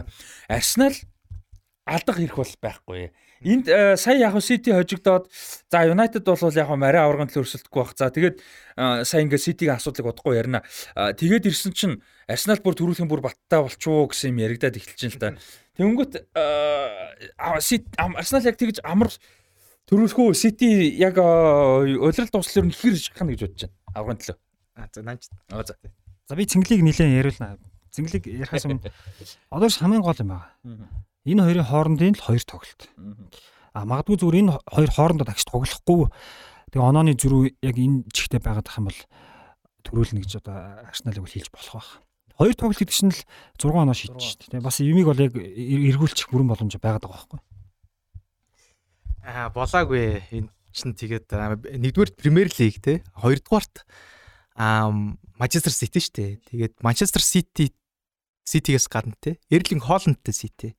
Тэгээд одоо үнэхээр форм нь орох юм бол үлдсэн бүх тоглолтондоо ч ер нь бол хожих потенциалтай баг. Тэр нь бүр тоглоом дуусах ягаач байгаа. Бүр энэ хооронд юу юу ч бол тохиолдож болох нь тэг бүх зүйлийг л үзчихиж л хэрвээ Арсенал ер нь бол төрүүлэх төрүүлэх дээр тулах юм бол тэгжиж л төрүүлэх. Тийм бол амархан зам бол ерөөсөй байхгүй байгаа. А тэгээд сая энэ Арсенал нөлөө овойдон тоглолт ингэж дараалж хойжоол тэгээ Ситиас нэг тэнцээл оноо алдаал ингэж явж исэн чинь нэг тим юу исэн тэг мим явж исэн юу гэхээр Арсеналын фэнүүдээ Ливерпулийн сүүлийн 4 жил а амсан зовлон буюу тоглолт болгон заавал хожих хэрэгтэй гэдэг тэр зовлон зовлон тавтай морилно гэсэн утгатай. Угаасаа л тийм. Одоо Сити араас нь тийм болгоцсон. Тийм боломжит бүх байдлаар шахна. Угаасаа ойлгомжтой. Одоо энэ харагдаж байгаа 5 оноо болол бас юм эрэхтэрэ тулах юм бол маш хурдан амархан иргэн бүрэнч болоогүй. Яг хөө зүгээр араас нь яг хөө тэ оноо алдтын орон гарын багууд ингээ явж исэн бол 8 оноо боломж 8 оныг одоогийн байдлаар 5 оноо гаас дажгүй гэж хол гэж хэлж болно. А гэхдээ араас нь City явж байгаа нөхцөлд бол юм амар амархан хурдан иргэн. Тэгээд энэ хоёр хоорондоо угаасаа хоёр тоглолт тэр хоёр тоглолтоос тоглолтод хин хэдэн оноо авахаас маш их юм хамаар. Магадгүй тэр хоёр тоглолтод City 6 оноо авчих юм бол ер нь тэр сэтгэл зүгээрээр нь бол бараг төрүүлчих бах. А хэрвээ Арсенал энэ хоёр тоглолтын аль нэгэнд нь хожчих юм бол харин юм өөрөөр иргэн. 4 оноо авах юм бол бүр баталгаатай болгох юм зайгаа нэлээд холдуулчих боломжтой. Гэхдээ л 4 оноо авсан ч гэсэн бас хол байсан хэвээрэл байх болно. Одоо харж байгаа сте тий. Эвертэ 19 дэвжсэн баг тэгэл хожих хэрэгтэйгээр хожиж байгаа байхгүй. Илүү сайн тоглол Арсеналыг хожиж шít. Премьер лиг чи ийм өрсөлдөөнтэй учраас юм дуусах юм бол болоогүй. Одоо иймэрхүү нөхцөл байдал зөндөө болж исэн Премьер лигийн түүхэнд тий хамгийн сүүлийн тод юу юм тий Манчестер Сити Ливерпул 12 онооны зүрэг Сити араас нь хожсоор байгаа нөхөөл төрүүлсэн шүү дээ. Ливерпул 2 2 дордог жил бас 14 онооны зөрүүтэй байж байгаад гүцээд тэгээд яг хад төгсүүл нь бараагүй тэгээ хоёр та. Тийм тэгэж тэгэж хойноос нь яаж исэн. Тэгээд дээрэс нь одоо Манчестер Ситигийн хамгийн анх төрүүлдэг жил бол 6 онооны зөрүүтэй байсныг сүүлийн 6 тэрэгт Манчестер Сити барай төрүүлжсэн. Манчестер Юнайтедыг хожоод а тэг гих мэтчл юм олон онооны зөрүүг бол ингээ эргүүлээ төрүүлсэн тохиолдол зөндөө байгаа учраас ер нь бол болоогүй. За юу ч гэсэн 30 дугаар төргийг харъя заяа. 30 дугаар төрөгт бүкснэгт яаж байх нь а тэнээс бол юм бол нэлээ харагдах байх. Тэгээд тоглогчдын за тэр дундаа Артетагийн сэтгэл зүй удирдлага ямар ах вэ гэдэг бас их чухал байна. Тэгээд энэ дунд нөгөө нэг яриад байгаа Арсенал фэнүүд ярьжсэн нөгөө Зинченко Габриэл Жесус хоёрын туршлага бас их нөлөөлөх байгаа. Авраг аваад үзээд туултал ингээд яваад үзсэн те. Тоглолт болгон маш чухал 3 оноо байгаад ингээд нөгөө Ливерпулд өрсөлдөд те. Ингээд үзсэн хүмүүс байгаа гэдэг нь бол их чухал өн нэмэр болох хаа гэж хэлсэн. За Арсеналын хувьд бол Дараагийн хоёр тоглолт нь юу юм бэ? Хуйлаад талбай дээр эхнийх нь Brentford-тэй. За Brentford-ийн хувьд бол Premier League сүүлийн 5 тойргоор бодох юм бол хамгийн формтой байгааг. Дөрөв хожиж нэг тэнцсэн байдалтай. Үнэхээр гайхалтай формтой явж байгаа. Аа юу яасан? 2023 он гарснаас хойш хүснэг дарах юм бол Brentford нэгт Нотод Nottingham 2-т Brighton Brighton 3-т явж 20 Liverpool явж байлаа шүү. Он гарснаас хойш хүснэгт гарвал. Тэгэхээр Brighton бол үнэхээр гайхалтай формтой байгаа. За тэгээд араас нь Manchester City-тэй талбай дээр. За харин 12 дугаар тойргийн нөхөн тоглолт. За харин дараагийн тоглолт нь бол 4 сарын 26-нд буюу 33 дугаар тойрогт Этихадад. За энэ их их эйгүү тоглолт. 33 дугаар тойрог гэдэг бод их ойртсон байна те. Тавхан тоглолт үлдэн бас бас эйгүү. Тэгээд араас нь юу юм бэ штэ тэр үстэй эйгүү тоглолтуудтай байна. Амар шахуу байгаа. Тий. Нилээн шахуу дээрэс нь эйгүү. Одоо Арсеналтай 26-нд Этихадад Арсенал уучлаарай Сититэй. Тэнгүүд араас нь Челси, Ньюкасл, Брайтон, Ноттенхэмтэй бас нэлээд чанга тоглолттой биш Арсенал явд. За тэгээд эн чинь бас тэгээд гоё л да хурцлаад өрсөлдөөн болж гин ширүүн болж гин те а тоглолт болгон ач холбогдолтой болж байна. За энэ үрээд Премьер лиг өндөрлөе гэж бодож байна хэсэгтэй. Дараа 7 хоногор угаасаа өрсөлдүүлээд ярих баха. Ла Лигийг товчхон ярьцгаая. За Испани Ла Лигт цөөхөн хитэн зүйлүүдийг яриа гэж бодсон. За Реал Бетис хожигдсан, Атлетико Мадрид тэнцсэн. За энэ донд Реал Барса хоёрын товчхон дурд да. Майорка. Майорка арал дээр Реал Мадридийнхэн ирээд нийтгээ хайцаатай хожигдсан Видат Мурикигийн голоор болол хожигдсан. За тэгээд тэрний дунд нь Начо. Тэгээ Видат Мурикигээр тооцсон байсан үгүй юу? Эсвэл Начогоор тооцсон. Аа, Начогоор тооцсон тий. Аа за. Тэгээ Начогийн автголоор тооцсон. Тэгээ хожигдсан. Нэг гол оруулаад вар хараад байсан уу тий. Нэг тиймэрхүү юм баг шиг байсан. За энэ тоглолтод Реал юу нь болохгүй байна. Ер нь энэ үйлрэл Реал нэг оо бүр нэг болохгүй байгаа биш мөртлөө нэг сайн бас нэг бүрдүүн хараа бас гоё шүү дээ тий. Ер нь бол Реал шүү дээ тий. Тэгсэн мөртлөө нэг тэр хэмжээнд бас нэг тоглохгүй байгаа юм шиг. Одоо адилхан тоглолтын 20 тоглолтоос 8 онооны ард явж байна Барселонаас тий. Тэгэхээр яг Реалд юу нь болохгүй байгаад байна вэ? За ингэсэн байна. Реал Мадрид Испани Ла Лигт энэ улирлын одоо эхний 11 тоглолтоос авж болох 33 онооны 31-ийг авсан юм байна. Нэг л тэнцсэн юм байна. А гэвч ингээд сүүлчийн 9 тоглолтоос авж болох 27 онооноос 14-ийг авсан. За тэгэд энэ юу хэлж ийн гэхээр бид нөөс нэг юм анзаардгүй байсан юм. Реал бол үе үед нэг асуудал үүдэг. Нэгдүгээр сард тамирчид ингээд биеийн болон сэтгэл зүйд унаад хамаг оноогоо алдсан юм байна ерөөс олон жил тийм болж байгаа юм. А тэнгуут Реал Мадрид маш алдартай нэг фитнесийн дасгалжуулагчийг Анчлотигийн багт энэ жил ажилуулад энэ асуудлыг шийднэ гэж бодсон боловч одоо ингээ саяны үр дүн хэлж шийдэж чадахгүй нэ. Яг тийм л юм болж байгаа юм. Тэгэхээр бас одоо яаж идэх вэ? Тэгэд яг 100 яг Реалын хувьд бол энэ жил зорилго мэдээж Реал юунд аврагууд лигтээ сайн явах. А тэгээд төрүүлэх хэмжээнд бол жоохон хэцүү болох гээд шүү дээ энэ янзаар бол тийм одоо ер нь бас нэг юм байгаа 100 заяа хэлчихсэн юм аа. Тэгэхээр заяа хэлсний дараа би бодсон чинь яг тийм бэл. Карло Анчелотигийн хоёр дахь улирал бол ер нь нэлээд тийм хитүү болдог гэдэг. Тэгээд бас дээрэс нь Карло Анчелотигийн тэр мэдээж байгаа. Нэмээд бас Реалын хувьд нэг тийм шилжилтийн ч гэх юм үе бас байна л да. Яг бүрэлдэхүүн гоё байгаа. Гэтэ одоо Modric Cross хоёр бас тоглолт болгонд мундаг хэмжээнд тоглож чадах нь бас багасж байна. Камавинга яригджсэн чадварынхаа хэмжээнд бас тоглохгүй байна. Хаа гэж Себайос сайн тоглож байгаа шүү дээ. Тий, явж явж хөрхий Себайос дайжгүй байгаа. За, Карвахал бол яг мундаг байсан шигэ байж чадахгүй бас байгаа тодорхой хэмжээнд. За, тэгээд Родриго нэг хэсэг агүй гой голтой байсан. Тэгээ одоо бас ингээд ер нь бол нэг форм жоохон мундаг ч юм уу, эсвэл насан жоохон мундаг ч юм уу, нэг ингээд нэг юм юмнууд хаарчаад байна л да, тий. Тэгэхээр одоо шилжилт бол их чухал байна зуны 8. Яг зөв, яг зөв. Одоо Реал дээр нэг юм болчиход байгаа. Дэлхийн аврах шалралт тэмцээх нөлөөлчихөж байгаа. Одоо дэлхийн аврах шалралт тэмцээнээс хойш дэлхийн аврах шалралт тэмцээний хүртэл Valverde, Vinicius, Modric эдгээр мундаг байсан бол эдгээр тэмцээний дараа үнэхээр байхгүй болцсон. Энэ бол гол асуудал шүү. Тэг хамаг нөгөө нэг динамизм гэдэг штэ нөгөө динамик тоглолтод нь хамгийн их нөлөөлдөг урд хойноос урагшаа шилжихэд нөлөөлдөг Valverde-гийн тоглолт ерөөсөө дэлхийн аврах бол ерөөсөө байхгүй баг болцсон байгаа нь жоох харамсалтай. Энэ жилийн Реалын тоглолтуудыг ер нь хэр үзүү эхний хастуул үнэхээр гайхалтай байсныг бол ялч санаж байгаа. Одоо аврагууд хэлэхт ер нь хэр боломжтой гэж бодож байна энэ бүрэлдэхүүн формоор. Тэгээд яг яг бас яг нэг үг хэлэхэд Лалигийн тоглолтуудыг бол нэг үзэж чадахгүй байгаа да. Тэгээд Лалигийн тоглолтууд бас үзэхээр бас нэг жоохон аа унтуу болчиход байгаа маа. Бүх багууд ер нь бүх багууд ер нь л их төстэй байгаа даа. Тэгэд Реал дээр бол сая дэлхийн аваргын одоо дундуур нь орж ирээд хамаг тоглогчдын формыг нүүмүүлчдэг бол яалтч нөлөөлж байгаа. А тэгээ дээрэс нь бас яг нэг гол түлхүр тоглогчдыг нь харах юм бол яг бүгдээрээ 30 нилээн гарсан тоглогчд байгаа нь угаасаа л ойлгомжтой болох байсан. Тэгээд энэ талаар Анчелоти ч гэсэн хэлсэн байлээ. 3 хоног тутам нэг удаа тоглоод ах юм бол энэ тоглогчдын ингэж гаргаж байгаа алдаанууд те энэ гэрэл бэрхлүүд бол угаасаа гайхаад ах юм биш л гэж хэлчихлээ. 3 одоо чинь ингээ харангуут угаасаа 3 хоног тутам тоглоод байгаа байхгүй. Клубын дэлхийн аврал шалралт тэмцээн тоглож. Дахиад явах гээд. Тийм тэгээд чинь бол амар ачаалтай байл тоглож байгаа. Тэгээд сая чинь энэ Майерко дээр бол Модрич кросс хоёрыг амраасан шүү дээ. Амрааж аваад тийм 67 дээр хоёулынг нь оруулсан баг жишээтэй тий. Тэгээд түлхүүр тоглогч тэгэхээр талбайн түүд Модрич байна, кросс байна. Тэгээд чинь хамгаалтанд ингээд Давид Алаба дээр хүртэлч одоо 30 гарчаад байгаа байхгүй та нас нь.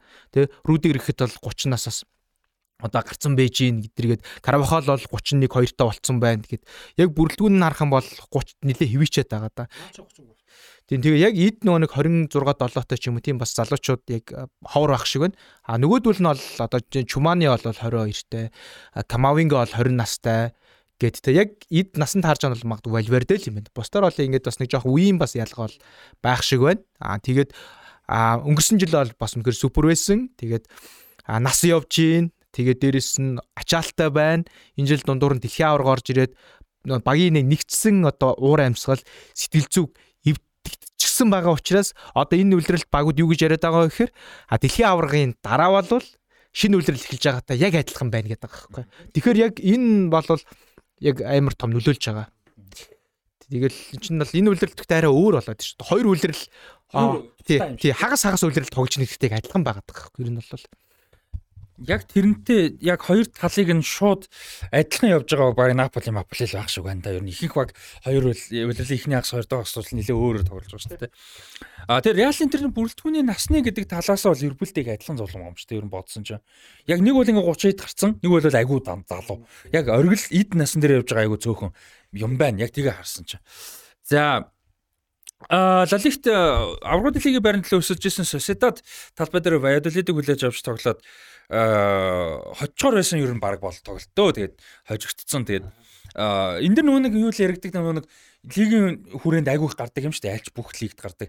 Илүү сайн баг нь нүдэд идэг, зохиод идэг, оролдоод идэг, боломжоо хийхгүй байсаар байгаад ганц боломж алдаад тэгээ хожигддаг тий.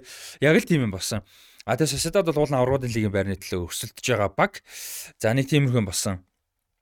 За тэгээд Барселона талбай дээр Севиа хүлээж авч. Оо нэр Sociedad амар сони энэ үлрэл юу яаж байгаа юм бэлээ. Valladolid 2 өжигч байгаа юм бэл. Талбайд нь очиод нэг өжигдсэн. Аа буцаад хүлээж аваад нэг өжигдсэн. Маш хайрын 6 оноо. Тий хаштай хайрын 6 оноо. Ялангуяа аврал лигийн байрны төлөө өсөж байгааг. Аа авчаас их гэж их бодоод аврал лиг ирэх. За Барселоны хувьд бол Севиаг талбай дээр хүлээж аваад 3 тгийн харьцаатай буулгаж авсан. За энэ тоглолтод бол Алба, Гави, Рафиня 3 гол хийсэн. Гави биш Рафиня тоглолтын шилдэг тоглогч болсон. Би Рафиняг Ливер Барселонод яг 100 ирсэн те. Лизээс ирснээс нь хойш нэлээд хэдэн тоглолтыг үзсэн. Минила үзсэн хамгийн сайн тоглолтноос. Ер нь Бразилд Бразилд ч гэсэн Рафиняг ингэж амар сайн тоглолог бол энэ тоглолтын дээр бүр ам тавьж илээ. Бүр ингээд яг хуу Пьесагийн доор удирдлага дийс үнэхээр ам тавьдаг. Гэхдээ Барселонд ирснээс нь хойш би бол Рафиняг ингэж ам тавьж тоглохоноос дагаагүй. Рафинигийн хувьд бол одоо яг Испанд тасч эхэлж байгаа байхгүй. Англид байж байгаа дөөр усад очно гэдэг чинь бол бас амар зүйл биш шүү дээ. Рафинигийн хувьд дэлхийн аврах шалралт тэмцээнээс хойш хідэн тоглолт нэгч вэ. Дөрвөн гол игээ дөрвөн голын дамжуулт өгсөн байгаа. Маш сайн явж байгаа юм билэ. Тэгээ Барсын тоглолтын Севиаг ч тэгээд юм болгоогүй дээ. Севиа хөөх юм хэцүү байгаа ч болохгүй байгаа. Тэгэд Самполиос их сонин сонин сэлгээнүүд их хийж илээ. Хожигдоод эхэлж яхад 3 хамгаалагчтай 2 win back-тай тоглосон хിവэрэ 2 win back-ын товтлоонд орж чадахгүй байгаа даа мөртлөө тэгж тоглож байгаа хിവэрээсэн. Жорди Алба ойрд гараагүй бас сайн тоглолтоо үзүүлсэн. За Барселона ингээд 8 онооны зөрүүтэй итгэл төгс Лалигийг тэргүүлээд эхэлж байгаа гэхээр буруудахгүй бах. А сүүлд аа за. Лалигийн тухай ярих юм баг шүү. За. За Лалиг дээр төлнө юм. Нэг сони юм болоод. Та хоёр ийм үзчихсэн үү? Гол хийсэн тоглогч те. Талбай дээр гол хийсэн тоглогч голын баяраа күртгтэй тэмдэглэж исэн тохиолдлыг санаж байна уу? Күртгтэй. За ямар тоглолтын дээр тийм бэ? Атлетико сая Хетафетэй 1-1-ээр тэнцлээ. Тэгээ нөө 60 минутанд Анхел Корея гол хийгээд ойгоод гадарсан үгүй хийсэн тий. А эхнийг бол хийж байгаа. Эсвэл тий. Тэнгүүт вар үзэж байгаа байхгүй. Тэнгүүт эхлэн шүүгч ингээд юу байгаа. Отон тоглолт гээд Тэгэнгүүт Диего Симон яг 60 дээр суулгачихгүй. Тэгсэн чинь нөгөө суугаа күртгэ өмсөж чи ваар үзэнгүүтээ гол гэж тооцоод күртгтэй хүн баяраа тэмдэглээдэг сони болсон шүү. Тэг бас дээрээс нь күртгтэй сод сэлгээр суусан гол юм бариад тэмдэглэж байгаа юм биш үү? Бас бас тэд ямар сони тий ваар шалгаж хат нь тэр хооронд нь суулгачдаг. Бас сони тий. Хөлмөт лалитер ч сони сони юм бас болно. За дараагийн лиг рүү орё. Сериад тавчхан хэдэл бас тоглолтуудын талаар тавчхан ярья гэж чинь. За Сериад Наполи мундаг формо үргэлжлүүлсэн. Корецали нэг гол хийгээд, Осимхэн нэг гол хийгээд а биш Осимэн 2 хийгээд а тэгэд би бид нэг нэг ассист өгөөд ингээд энэ хоёр бол гайхалтай хамт одоо партнершип гайхалтай формо бол а үргэлжлүүлж байна. Наполи одоо Интерт хожсноос хойш тасралтгүй үргэлжлүүлж. Хожиж чинь түрүүнд яг ярьсан шүү дээ. Интерт хожигдсон нь бол баг одоо эргээ харахад бол баг болсон байна те. Тэгээ одоо юунаас Интерес 13 онооны урд одоо бараг л Европын лигүүдээс хамгийн тодорхой тэргүүлж байгаа баг Наполи болоод байна уу да. За тэгээд та хоёр шууд энэ хоёр тоглолт зэрэг асууч гэж байна. Нэгдүгürt Наполи, хоёрдугürt Миланы том дерби болсон. За Миланы дерби Интерийн талбай дээр гэж явсан. Интерийн талбай дээр гэж явсан үед бол Жузеппе Миаца гэж явдаг. За Жузеппе Меаццатын тоглолт бол нэгдгийн харьцаатай Интер Милан бол буулгаж авсан Лавтаро Мартинес гол оруулсан. Дэлхийн авар дууснаас хойш Лавтаро Мартинес бол ууртай байгаа. Тоглолт болгоно бараг голтой байгаа. Тэгээд Интер бол ингээд хоёрдугаар байранд бол нилээн ер нь гайгүй найдвартай ороод ирж байна. За Миланы дербигийн үед Милан ер нь юу нь болохоо болчихоо. Нэг хариу өгөөч. Юу байна уу? Хариулт байна уу? Ингээ хамгийн том шалтгаан нь ер нь бол бас гимтэл байгаа. Айгүй их гимтэж байгаа. Гол гол тоглогчд нь. Ялангуяа хаалгачийн гимтэл бол маш том нөлөө үзүүлж байгаа. Тий. Тэгээд хоёрдугаар хаалгач Титерошана алдхааргүй гэх юм уу алдхааргүй гэж одоо хэлэх нь жис буруулах л та. А ихт ер нь бол Мак Майк Майнен байсан бол хаачхаар бөмбөнүүдийг их алдчихж байгаа. Хямдхан гоолууд их алдчихж байгаа. Тэгээ тэр хямдхан гоолууд бол тэгээ тоглолтыг эрс эргүүлэхэд нөлөөлөд байгаа л да. Тэгээд бас хэд хэдэн гол тоглогчд байна. Тэгээд дээрэс нас яг уу Барса руу кисэг явуулсан нь хагас хамгаалтандаас аюу том орон зай үүсчээ тэрийг нөхөж чадахгүй л байгаад байх шиг байна. Тэгээд ийм хоёр том хүчин зүйл байгаа юм болов уу гэж харж байна. Бусдаар бол бүх юм бол хэвэндээ бол байх хувьд бол байж байгаа. Тийм тэгээд бас л нэр гомдмор их гимтэл бол гарч байгаа. Миланыг одоо ингээд гимцэн байгаа тоглогчдын ингээ харах юм бол нэлээ урчгсаалт гарч ирнэ. Гэхдээ бас зарим нь яг эргэж ирээд тоглоол байгаа тань л да. За Миланыг дэлхийн авраг шалруулах тэмцээн ер нь халаад хийцэн. Дэлхийн авраг шалруулах тэмцээнээс хойш анхны тоглолтонд хоцсон. Гэвч одоо түүнээс хойш 7 тоглолтонд хожоогүй. 5-д нь хожиг. Тийм 3 тоглолтонд дараа хожигдсон. Одоо Италийн сериад 2 тэнцээд 3 хожигдсан. Италийн цом болон супер цомд хожигдсан. За яг Милан бол гимтэл их байгаа. Одоо намарч гисэн гимтлийн асуудал байсан. Гэхдээ энэ баг бол одоо юу вэ нөхөр одоо бол яг сэтгэл зүй байхгүй. Яг сэтгэл зүйг болцсон. Нэг тийм баг одоо яг бүгдээрээ яг тийм юу харагдахгүй л. Тэгээ маш их алдаа гарч байгаа. Тэгээ хэн бол удахгүй халагдах хаа. Стефано Пауло. Угаасаа Милан чи нэг унчаар унчаараа унчдээ штэ. Одоо хоёр удирлын өмнө Италийн сериаг тэргүүлж явж оныг унаа тэгээд баригдсан дээ. Тэгээ интерт гүцэгдэг те. Ер нь бол тийм байна. За Миланы хувьд ууг нь одоо улирал эхлэхэд Улирал эхлээд Наполиг гайгүй явж байхад одоо гол гол өрсөлдөх баг бол Милан гэж бид нэр ярьж ирсэн. Тэгэхэд одоо Милан бол сүүлийн 5 тоглолтод хожигдгүй 3 дараалал хожигдсан байдлаа 21 тоглолтоос 38 онтой одоо 6 дугаар раунд Аталантад Онотын голын зөргөөр доорно явж байна нэлээд хэцүү. Сүүлийн 5 тоглолтод 25 шар хуц авсан байна. Бас сэтгэл зүй ямар байгааг тийч харуулж ийнэ гэж бодож байна. 25 гэхээр 5 тоглолтод 25 гэхээр гайгүй сонсогдож магадгүй. Гэтэ хөлбөмбөг яг байнг үзээд ирэх юм бол манай хэд бол мэджил байгаа. Тог нэг тоглолтод 5 гэдэг бол их штэ тий. Тэгээ тургуулах үзүүл шүү. Тийм тэгээ яаж яагаад байнг гэдэг бол тий. Бүр тэгээ энэс ч болж тоглогчид өнжижил байгаа штэ энэ дунд тий. Хүмүүс мэдгүй байгаа болохоос ч тийм дүрм дүрм байдэн шүү дээ. Монголд ч гэсэн байгаа шүү дээ. Нэг тоглолтод 5 ба түүнээсээ шар уцах юм бол баг нь мөнгөн дүнгээр торгоод 6-т хуцнаас эхлээд юу н бүр нэмэгдээ явдсан шүү дээ. Тургуулна тий. Тэгээд тоглогчид ч бас лиг лигтээ одоо олон тоглолт дараалах юм бол гэдэг ч юм. Одоо чинь Испани ла лигт бол хоёр тоглолт дараалал шар ууц авсан тоглолт шууд 3 дахь дээр өнждөг. А лигийн хүрээнд 5 шар ууц авах юм бол өнжинэ гэдэг ч юм. Тийм бас байж л байгаа шүү дээ сериа тий. За тэгээ Миланы хувьд бол бас харамсалтай тааруу формтой байна. За Интер Миланы хувьд бол 20 дугаар байранд гайг болж эхэлж байна. Ювентус Салернитанаг 3-р харьцаатай болгосон Душан Влахович 10 сараас хойш анхудаага гол хийж 2 голыг оруулсан байна. За Ювентусыг бол ярьжсэн сэтгэл зүйн хувьд бол маш хэцүү байх магадлалтай. Хүнд за энэ бол нөгөө нэг 15 оноо асуусан мэдээнээс хойш бол эхний хожил а болж байна. За юу тэгээ Ювентус бол одоо ингээд юу гэдэг сэтгэл зүйн хувьд эргээ сэргэж ийн гэж хэлж болохгүй л те. Угаасаа нөгөө Салернитанаг бол бүгд л очиж байгаа. Милан ч н одоо дэлхийн аврал шалралт тэмцээнээс хойш хоцсон ганц уг нь Салернитана л байгаа байхгүй. Тэгэхээр болоогүй юунтус хэцүү байлээ. Тэ тоглолтын үүссэн үтс хэцүү л. Хэцүү байлээ нэг яг өрөвдөж байгаа шиг. Э а тэгтээ ингэдэгтэй одоо юу гэдэг юм а дэмждэг байх сайн яваасаа гэж мэдээж ямар ч хөлбөмбөгийн фэн ямар ч спортын фэн боднаа. Гэхдээ ингээд нөө өрсөлдөөн чанга байх тусам гоё байдаг шүү дээ амттай сонирхолтой. Тэгэл одоо юу гэдэг нь Ливерпул Челси хоёр энэ жил маш муу байна те. Юнайтед муу үе байла. За өөр одоо юу гэдэг нь Тотнам Арсенал те ингээд агай олон жил муусан үед байгаа. Сериат ч гэсэн. Гэхдээ одоо ингээд хүслэр болдог бол энэ бүх том багууд маань бүгдээрээ гоо сайн баймаар байгаа тий. Бүгд гоё өрсөлтөө. А дээрэс нь одоо Премьер Лиг чинь Brighton Fulham одоо юу гэдэг Brentford сайн тоглож байгаа шиг Serie A-д нэг хэсэг асуулаа энэ гоё байлаа шүү дээ. Atalanta дээр шахдаг байсан. Тэд нар нь орж ирээд тий. Үнэхээр болдог бол бүгдээрээ хоромтой байдаг бол. Дааж харамсалтай нь яалчгүй бүгд тийм байна гэж одоо байхгүй юм да. Ялч зарим нь унах юм. За сериагийн хувьд л иймэрхүү байна. За Бундеслиг. За Бундеслиг дээр товчхон хэдин юунуудыг тоглоодыг яриа гэж бодож байна. А Боруссия Дортмунд Фрайбургийг 5-1 хацаатаа болгож авсан. За Боруссия Дортмунд бол ер нь тэгээд үе үе нэг тоглолт нь орчуулдаа ямар ч багтай сайн тоглолцдог. Тэгээд нэг унахаараа тэгээд ямар ч багт шоонаа алдчихдаг ийм хэцүү. За энэ тоглолтыг үзсэн шүү. За. Тэгээ энэ дээр юу ясаа Фрайбургийн нэг баруун зүгрээ хамгаалагч. Тоглолт ихлэ 16 7 дахь минутанд 2 шар утас аваад. За тэгээд байхгүй болсон.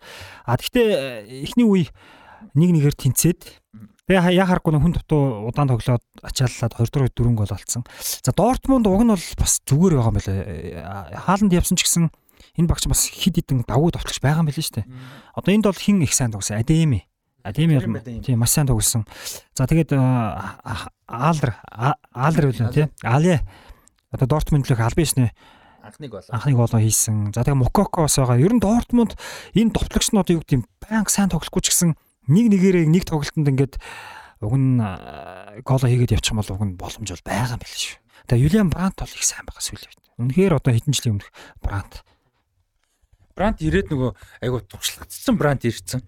Тэгээ багт айгу том лидер бас болоод ийлээ л дээ. Ройс бас гадна. Тэгээ 19 настай Жул Беллингем лидерүүднийх нэг болцсон одоо. Тэгээ аа тэгээд Себастьян Алегийн хувьд бол одоо хор тавдар туснаас хойш тэрэн тодорхой болоод эмчилгээ хийлгээд хөлбөмбөгөө бэртлээ одоо бэртлэгнээ гимтэлтэй өвчнөө идгээгээд бэлтгэл биш ээ бэлтгэл явуучлаа бэлтгэл гэж хэлэх гээд бахан буруу. А бэлтгэлтэй ирээд тэгээд тоглосноос хойш анхны гол оруулсан. Багийнх нь бас нэлээд сэтгэл хөдлөлтөөр баярыг тэмдэглэсэн бас гой харагдчихсэн За Лайпциг бол форум бас ер нь тун давгүй байгаа ер нь бол за тэгээ сая Колнтэй тэнцчлээ.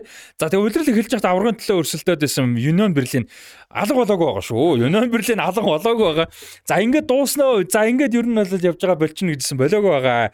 Аа сая Mainz-ыг 2-1 харцаа болгож аваад Bayern München-с Никонаны ард яваад байгаа.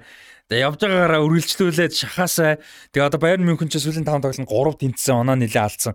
Dortmund Leipzig юу а Union Berlin буруу гур бол ерөөсөө 1 2 онооны ард явцгааж байгаа. Тэгээ сайн шахаасаа гэж бодож чинь. За Bayern München сая энэ төрөлтөл харин Leipzig Wolfsburg-ыг 4-2 харьцаатай буулгаж авсан. За Бундслигийн тоглолт дээр онцлог тоглолт анзаарсан зүйлүүдээс сонь сайхан юу байна? Тий түрүүн Serie A дээр нэг зүйлийг нэг онцлоод хэлчихвэл Анжел нэг Лучано Спалетти Наполиг удирдах байгаа. Тэгээд Спалетти бол Италийн Италийн хөл өмгийн хим маягийн биш тасгалжуулагч. Илүү довтлогоо суурилсан тоглолтын үзүүлдэг илүү гоё үзүүштэй хөл өмг одоо гаргаж чаддаг Аа тэгээд ер нь бол Италийн хөлөө мөх тэр нь үзэгддэггүй зүйлсүүдийг их одоо хийж одоо гаргаж ирс гаргаж ирж ингэ тоглуулж чаддаг юм тасгалжуулагч. Тэгээд яг карьерийнхаа замлд бол одоогор Serie A-т бол төрүүлэг байгаа. Өмнө нь бол Ромод 2010-ад оны ихэнх үе тэрнээс өмнөх үед бол ажиллаж байхдаа бол төрүүлж чадаагүй. Аа тэгээд Зенитэд бол ажиллаж байхдаа бол карьерийнхаа анхныхаа цомууд тийг бол авч ийсэн. Одоо тэгээ Наполитэй ингэж энэ үлрэлт тоглоод ер нь бол авах хөстө цомоо баг аваасаа гэж ер нь бол хүсэж байна. Тэгээд тэр одоо юу гэсэн Сериалигийн авраг болох ч одоо хэмжээний ур чадвартай ийм мундаг одоо мэрэгжилтэн Тэгээ бусад яг үеийнхэндээ жоохон дарагдаад идэг байсан. А гэтээ бол одоо л яг өөрийнх нь цаг нь болсон гэдэг бол харуулад төрүүлчихсэй л гэж бодод байна. Спалетиг. Аа тэгээд Бундслиг дээр а Борусsia Дортмундд ерөөсөө хөсөх ганцхан юм байгаа. Тэр нь бол Марко Ройс үлрэлийг дуусал дахиж битгийг гимтээс үлрэлийг дуусал бүтэн зүгээр тоглолчаасаа.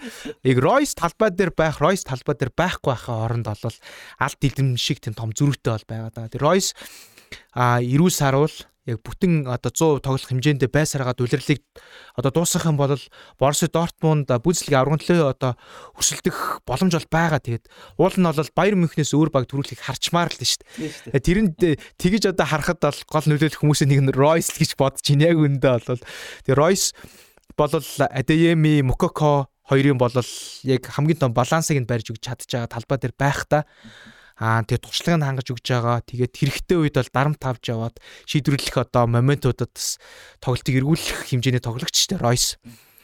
Тэгээд Юнан Берлин ч гэсэн бас энэ нэрчээ бити алдаасаа гэж одоо хүсэж байна. Тэгээд Юнан Берлин бол өөр айгүй гоё түүхтэй баг.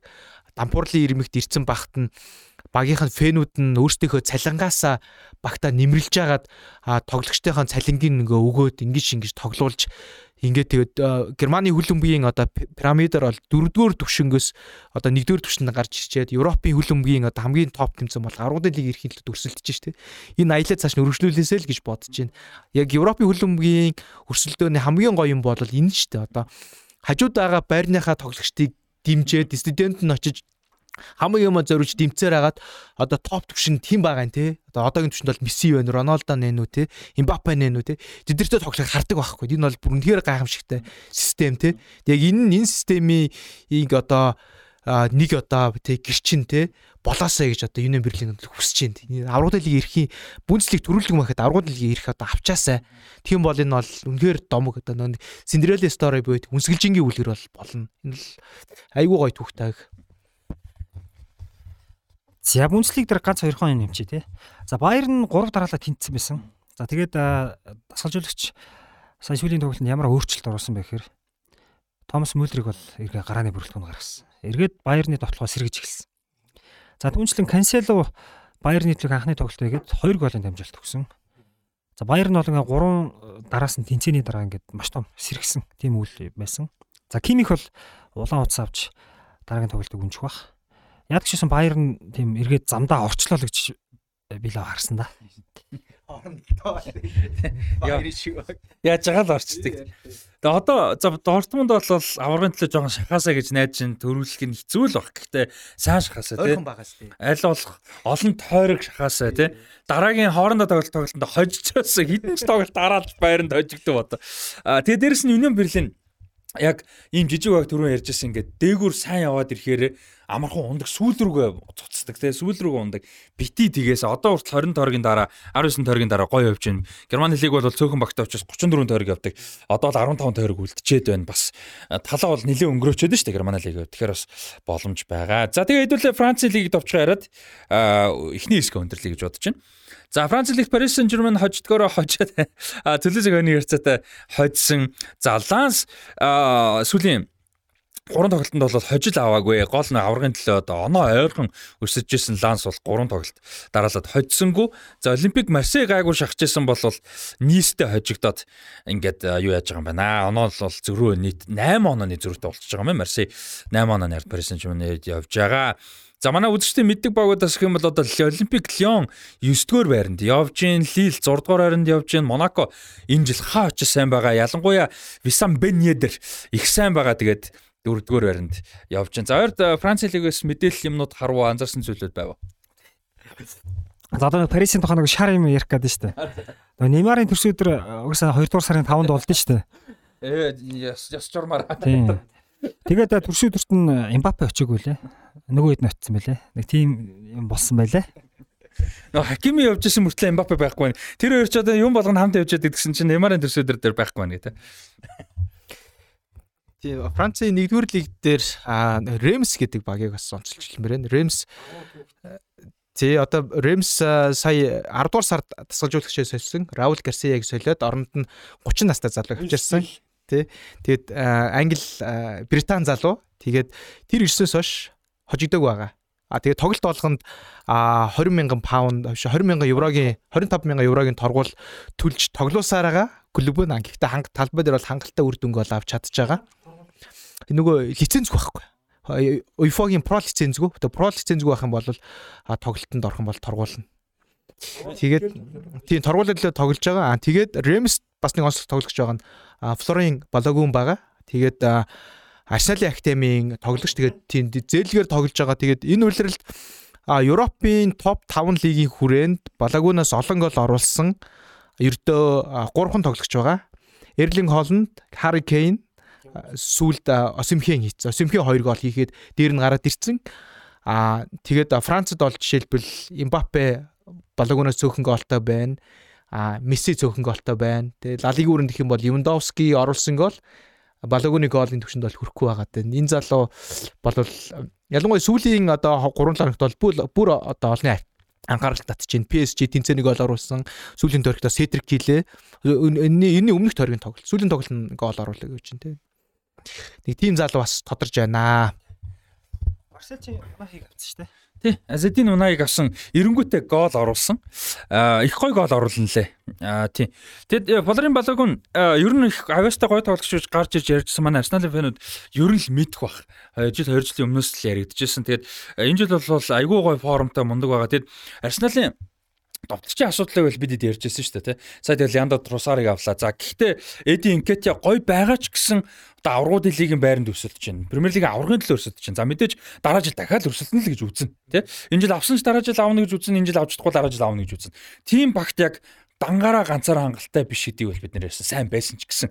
Тэнгүүт Габриэл Жисус мэдээж гимтээсээ эргээд ирнэ. Тэнгүүт Флорин Флорин Балагоныг буцаага аваад ирэх бах 100 болвол. Тэгээд яг ийм гой сэлгээний товтлогчтой болж ин за сэлгээж гэлтгүй ер нь сайн явах юм бол ирээдүйд гарааны ч байж болохоор юм гой товтлогчд харж ин. За тэгээд Бидэд бол одоо багийн хэмжээнд Cinderella story гинон Берлинийг ярьдаг те.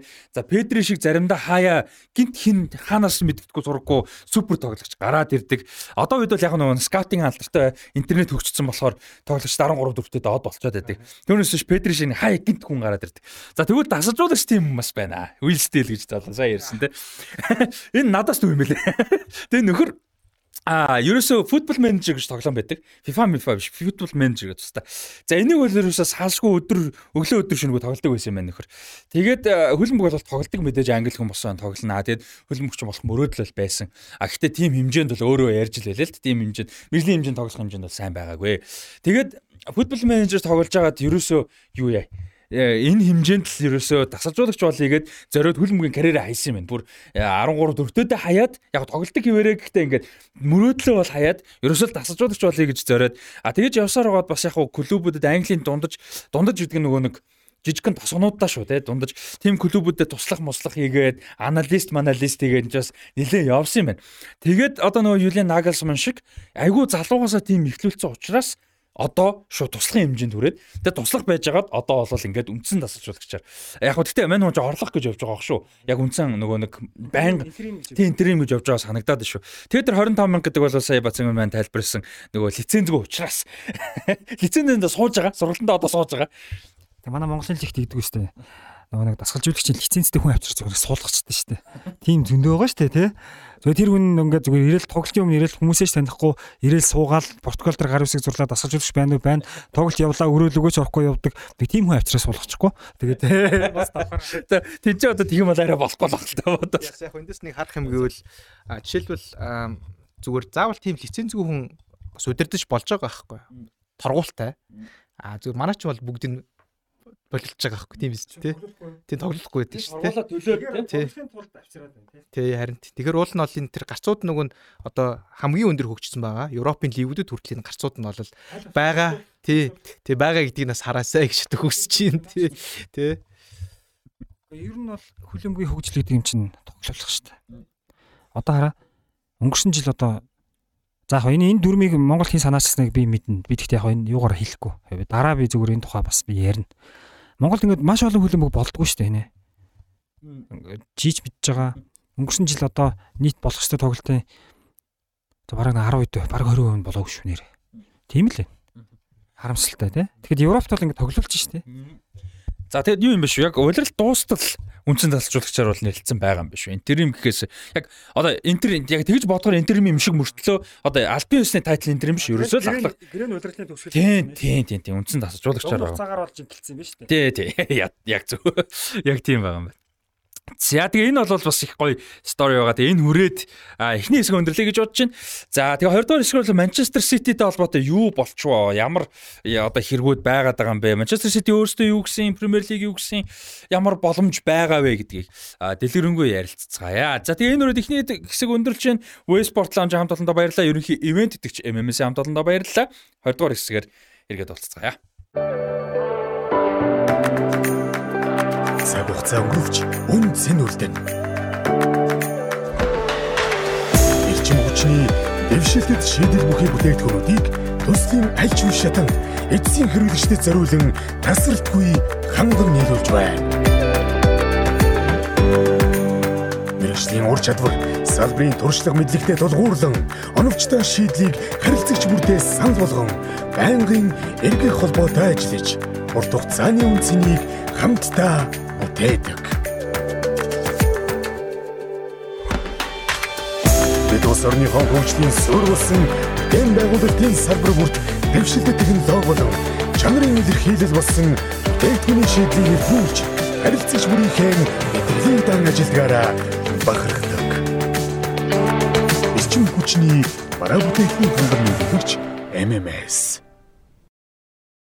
MMS За айгуулж чагаада таатай байна үзэгтэй гэж шууд тайлбар аваалаа. 20 дугаар үе эхлэх бэлэн бас. Аа, Жого Брэнтэ шоу подкастын 32 дахь дугаарын 20 дугаар үе эхэлж байна. Тэгээ өнөөдрийн дугаарын 20 дугаар хэсгээр хэдүүлээ Манчестер Сититэй холбоотой зүйлүүдийг ярих гэж үжин таяр маань сэтгэлээ бас хуваалцаад яваарай. Тэгээд мэдээж MMS хамт олон маань спонсор ажилласаар байгаа. Waysport Lounge-ийн хамт олон маань дэмжиж ажиллаж байгаа. Та бүхэн мэдээл авцгаагаараа description хэсэг дээр мэдээлэлүүд байгаа дээрээс нь бас source юм гэсэн хаягаар MMS-ийн талаар мэдээллийг Westport Lounge-ийн талаар Facebook-ээс бас авах боломжтой байгаа шүү. За За Манчестер Сити юу болчихв? За сайн бол юу яасан? Эхлээд зүгээр босон юм ярихад Премьер Лигээс Премьер Лиг гэдэг чинь нэг тустай байгууллага шүү дээ. Премьер Лигээс Манчестер Ситид За ер нь 100 гаруй одоо зүйл гэх юм уу зүйлэр те charge болвол хэрэгээр гэх юм уу 100 гаруй одоо хууль 115 те нарийн 115 одоо хэрэг бол одоо гаргасан буруу хууль зөрчсөн гэх юм уу дүрм зөрчсөн гэсэн ийм хэрэг бол гарсан. За юу болч юу гэхээр Премьер лиг бол 4 жил мөрдлөг явуулсан юм судалгаа явуулсан юм байна. Мөрдлөг гэж ярих нь зөв те. Мөрдлөг бол явуулсан юм 4 жил 18-аас хойш. За энэ мөрдлөг нь бол 2009-өөс 18 оны хоорондох одоо санхүүгийн асуудлууд гаргасан гэсэн мөрдлөг байсан юм байна. За энэ дундаа тэр 115 нь бол зөвхөн 9-өөс 18 оноос гадна 18 оноос мөрдлөг эхлээд өнөөдрийн саяны зарладаг хүртэл 4 жилийн хугацаа мөрдлөг явахад санхүүгийн тооцоогоо тайлангаа зарим нэг одоо мэдээ мэдээлэл дата им бичиг баримт юмнууд бол хангалттай бүрдүүлж өгөөгүй улмаас өгөөгүй гэж үзсний улмаас нэмэгдсэн хэрэгүүд бас зүйлүүд байгаа мэн энэ дунд нь. Тэгэхээр 110 одоо 11 115 гэсэн 115-уулаа 9-өөс 18 он бас биш юм байна. Тэгэхээр тэрнээс хойш нэмэгдсэн гэсэн. За энэ хугацаанд товчоо ярьчих. 2009-с 18 оны хугацаанд Манчестер Сити 3 удаа Премьер Лиг төрүүлсэн. 2012 14 бол 18 онд. За энэ хугацаанд холбооны цомд 11 он төрүүлсэн. Лигийн цомд 14 16 болон 18 онд нийлээ 3 төрүүлсэн. Community Shield буюу одоо супер цом те. Энэ цомд 12 болон 18 он төрүүлсэн. За ийм цомодод бол төрүүлсэн жилүүд байгаа юм байна. За Financial Fair Play боё одоо э, санхүүгийн шудраг өрсөлдөөний дөрмүүдийг одоо 100 удаа зөрчсөн гэдэг юм гол асуудал байгаа. За, ерөнхий товчхондоо болвол Премьер Лигийн санхүүгийн шудраг өрсөлдөөн болвол хэр их мөнгө олж ин тэдэж энэгээрээ зарах хэмжээтэй л гэсэн товчхондоо. Яг нь нарийн ярил мэдээж миний ойлгохгүй юм зөндөө байгаа байх. А гэхдээ товчхондоо болт юм байдаг. За үүнийг яаж зөрчиж одоо аргалж болдог вэ гэхээр одоо болно гэдэг нь зөв гэсэн үг биш.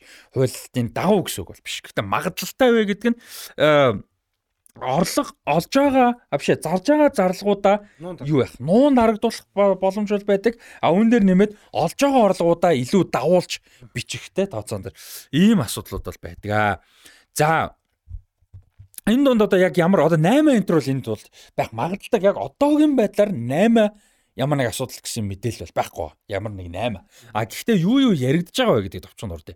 За энэ донд бол нэг тасалжуулагчийн 1 жилийн цалин болол дурдсан байлаа.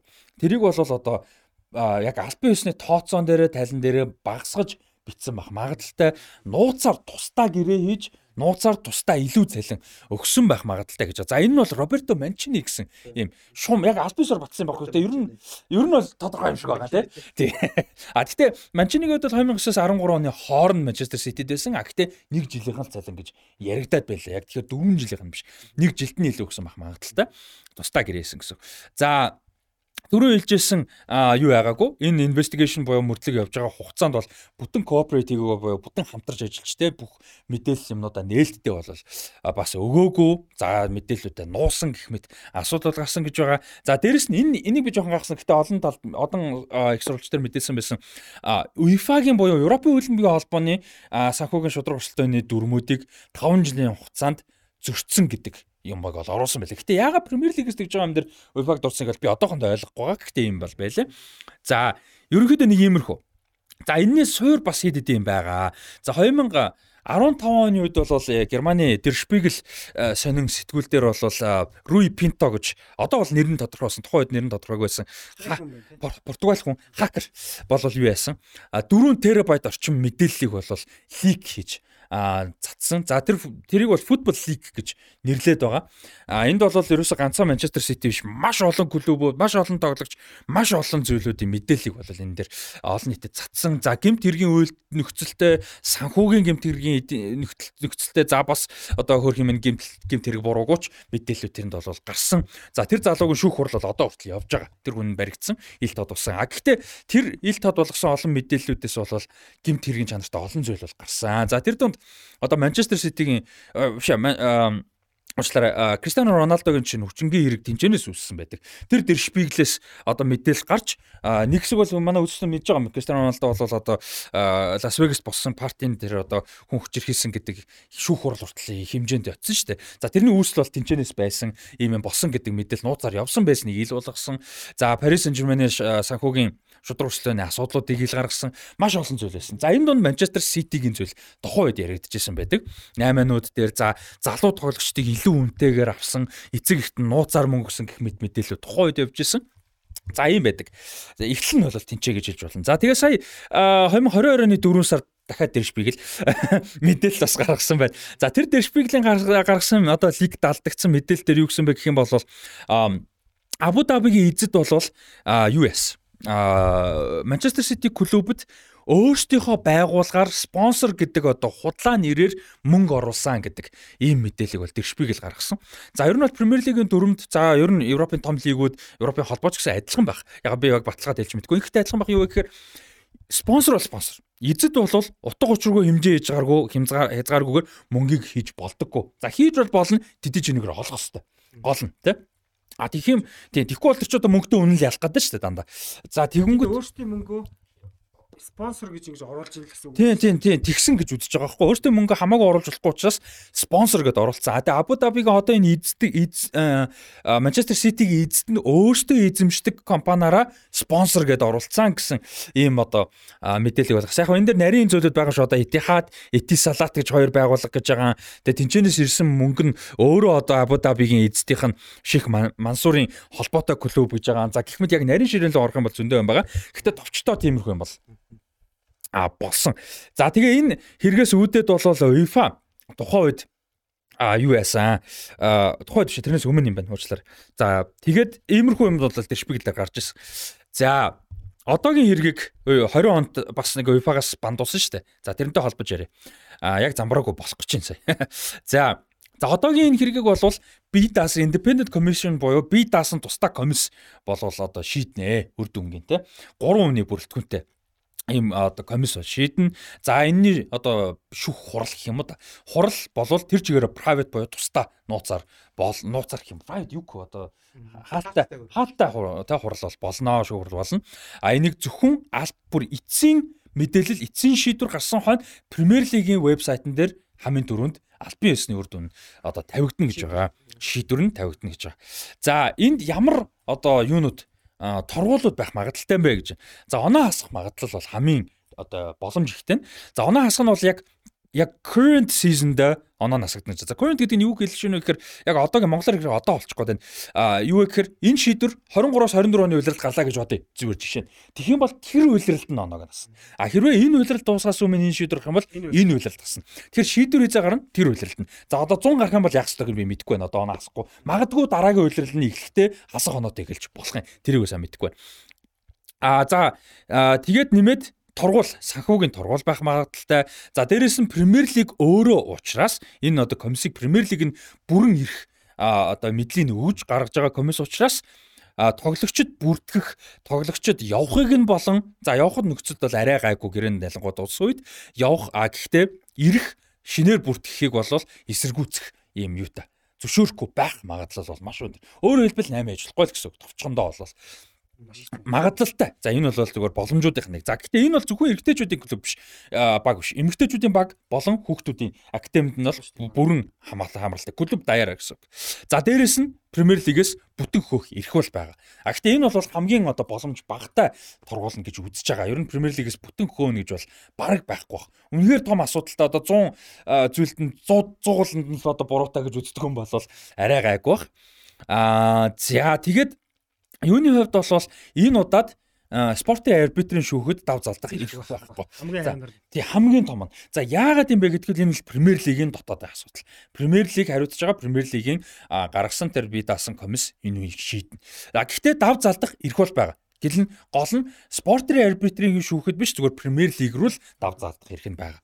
За А тэгээд спортын арбитрийн шүүхт бол өмнө дав залж байсан удаа байгаа. Тэгээд ялж байсан. За тэрийг давчхан тайлбарлахад 2020 оны 4 сард олон улсын Европын хөлбөмбөгийн холбоо бол Манчестер Ситиг 2 жилээр бандсан. 2 дугаар сард. А 4 сард яг файнал шийдвэр гарсан гэсэн байсан. 2 дугаар сард яг 3 жилийн өмнө нэг ковидын үед л гарсан байхгүй наа шийдвэр. Тэгээ ковид Европод ч яг 4 сард л басан. Манад бол яг 20-нд Тийм, тийм. гарсан байна. Тийм үү. За. Окей, тэгвэл 2 сар. Би мэдээллийн яг 4 сар гээд. А тэгээд тэр үед бол 2 жилээр UEFA-гийн тэмцээнүүдээс UEFA-гаас бандсан 30 сая еврогоор торгосон. За тэр шийдвэрийг бол спорт арбитрийн шүүхт бол дав заалдаад хэргийг нь одоо яг хэрэгсэхгүй бол болгоогүй. Зүгээр 2 жилийн багныг бойлуулад 10 саяар торгуулийн багсаа. Тэгэхээр буруутай асуудалтай байсан гэсэн үг шүү дээ. Зарим зүйлүүд нь бол нотлогдохгүй байна. Аа. UEFA-гийн гаргасан шийдвэр. А зарим зүйл одоо тийм хилцэх хугацаанд дууссан байна. Ээж үтэй. Яг дараагийн ярьчихсан сэдв. UEFA-гийн хүрээнд болон а, спортын арбитрийн шүүхийн хүрээнд ихэнх зүйл дээр нь хугацаанд дууссан гэж үтсэн. За хугацаагийн хувьд бол авч хэлцэх хугацаанд 5 жилээр гэж үздэг юм байна. Тэр нөхцөлд. Хөөн хилцэх хугацаа. Хөөн хэлцэх хугацаа яваад яг ал- аль биесний зөв хэллэг юм дээ. А 5 жил өнгөрсөн гэж үтсэн учраас. За гэхдээ энэ нөхцөлд бол тийм байхгүй. Премьер лигт хөөж хэлцэх хугацааны лимит гэсэн зүйл байхгүй. Тэгэхээр Премьер лиг өөрөө өөрийнхөө хүрээнд одоо шийтгэх ч юм уу торгох те одоо мөрдлөг явуулах ийм нөхцөлд бол 92 оноос хойш бүгдээрингийн тооцох боломжтой гэсэн. Премьер лиг гэдэг байгууллага чи 92 оноос хойш байгаа те. Тэгэхээр 92 он руу ухрах хүртэл юу ч байж болно гэсэн. Тэгэхээр энэ бол хугацааны лимит байхгүй. Тэгэхээр 9 оноос 18 он гэж яригдж байгаа шалтгаан нь энэ 18 оноос хойш бас зарим зүйлүүд нь орж штэ те нөгөө нэг хангалттай cooperate хийгээгүй хамтарч ажиллаагүй гэсэн утгаар. За ийм а товчондоо асуудал байна. Тэгээ хууль мэдлэг а, хууль их зүүн мэдлэг байхгүй учраас бас зарим нэг хиллэг зүйлүүдийн буруу ярьсан байж магадгүй гайгүй гэж найдаж байна тий. Аль болох энгийнээр ойлгоод энгийнээр тайлбарлах хичээлээ. Тий энэ дэр та хоёрын сэтгэл юу байна одоо а Манчестер Сити өмнө нь ийм асуудлууд гарч ирсэн хидэд удаа. Тэгээд тургуулад бас өнгөрсөн. Цаашдаа яана гэж чинь за Гвардиола яана гэж чинь ирээдүйн бүрэлдэхүүн өрсөлдөөн иймэрхүү зүйлүүд дээр. Тэгээ өнгөрсөн бас одоо түрүүн цомод дурдсан энэ цомодыг нь хүртэл авах магадлал бол байгаа. За яг холбооны цом энэ төр жоохон тустай баг. Ялангуяа Премьер лигийг те авах магадлал бол байгаа. Тийм тэгээд нэг иймэрхүү асуудлуудыг чинь хязгаарлах үүднээс бүр 2000-ад оны дунд үеэс 2004 5 оноос эхлээд Арсен Венгер бол маш их ярьдаг байсан. Тэгээд ялангуяа хамгийн ихний жишээ нь бол Челси шүү дээ тий. Абрамович. Орж ирээд их хэмжээний мөнгө зутгаад ингээ явж гин тий. Тэгээд бид тэгээд тухайн үедээ Венгер хэлэхдээ бол бид нар тий санхүүгийн допинг хэрэгэлсэн ийм клубд өрсөлдөж чадахгүй тий одоо тамирчид допинг хэрэглээд тэрийг шудраг ус өрсөлдөөн гэдэг бол санхүүгийн допинг хэрэгэлсэн байж байгаа нөхцөл бол адилхан учраас бид нар бол лидертэй одоо өрсөлдөж чадахгүй гэж одоо хүртэл хэлжсэн Венгер тэр чинь 6 7 оны үед байна да эсвэл дол тийм яг бүр ингээд нэлээд хатуу болж ирсэн нь тэгээд тэгээд Европын хөлбөмбөгийн холбооноос а, 2000 а, бас 7 8 оны үед байх 7 8 тэг яг хэрэгжиж гисэн 10 он санагдаад байна. Аа санхүүгийн цэвэр тоглолтын дүрмгээд тэг financial fair play rule гээд энийг ингээд батлаад тэгээд адилхан холбоо холбоодын гişүүд холбоо гişүүн одоо холбоодууд гişүү холбоодуудын лигүүд нь ч гэсэн яг нэг хэрэглэж эхэлсэн. А тэгээд тэгээ энэ нь болохоор өөрөө бас хэд хэдэн шалтгаантай Европын хөлбөмбөгийн өөрийнхөө дэд бүтцийг бас хамгаалах.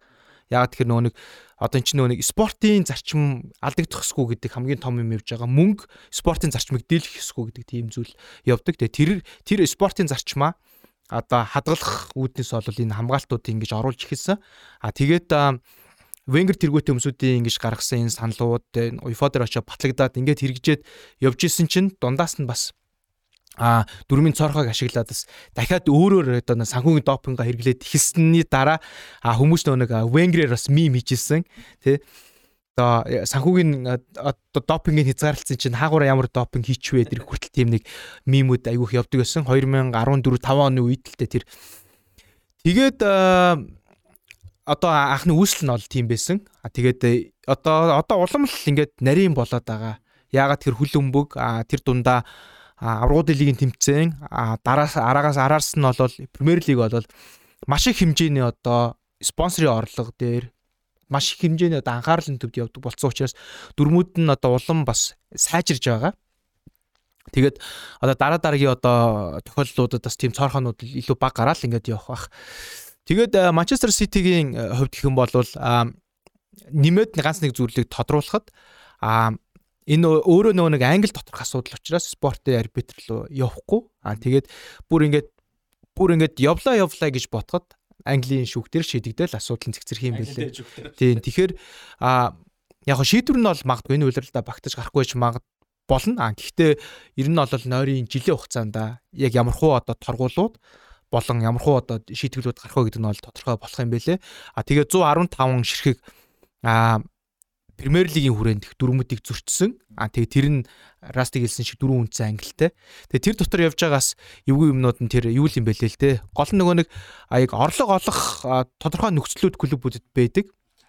А тэд нар дотор харин тэр спонсорын орлого болон одоо хөрөнгө оруулалт гэж одоо хилээд нөгөө нэг одоо нөө цэнгэлтгийг шинчлэх, бэлтгэлийн талбайг шинчлэх, академик шинчлэх гэдэг байгаа мөнгнүүд нь дахиад өөр юмлөө ороод ингээд зарцуултууднаас өөр болцсон юм байна гэдэг гэсэн зүйлүүд бол нэлээх анхаарал татж байгаа юм байлээ.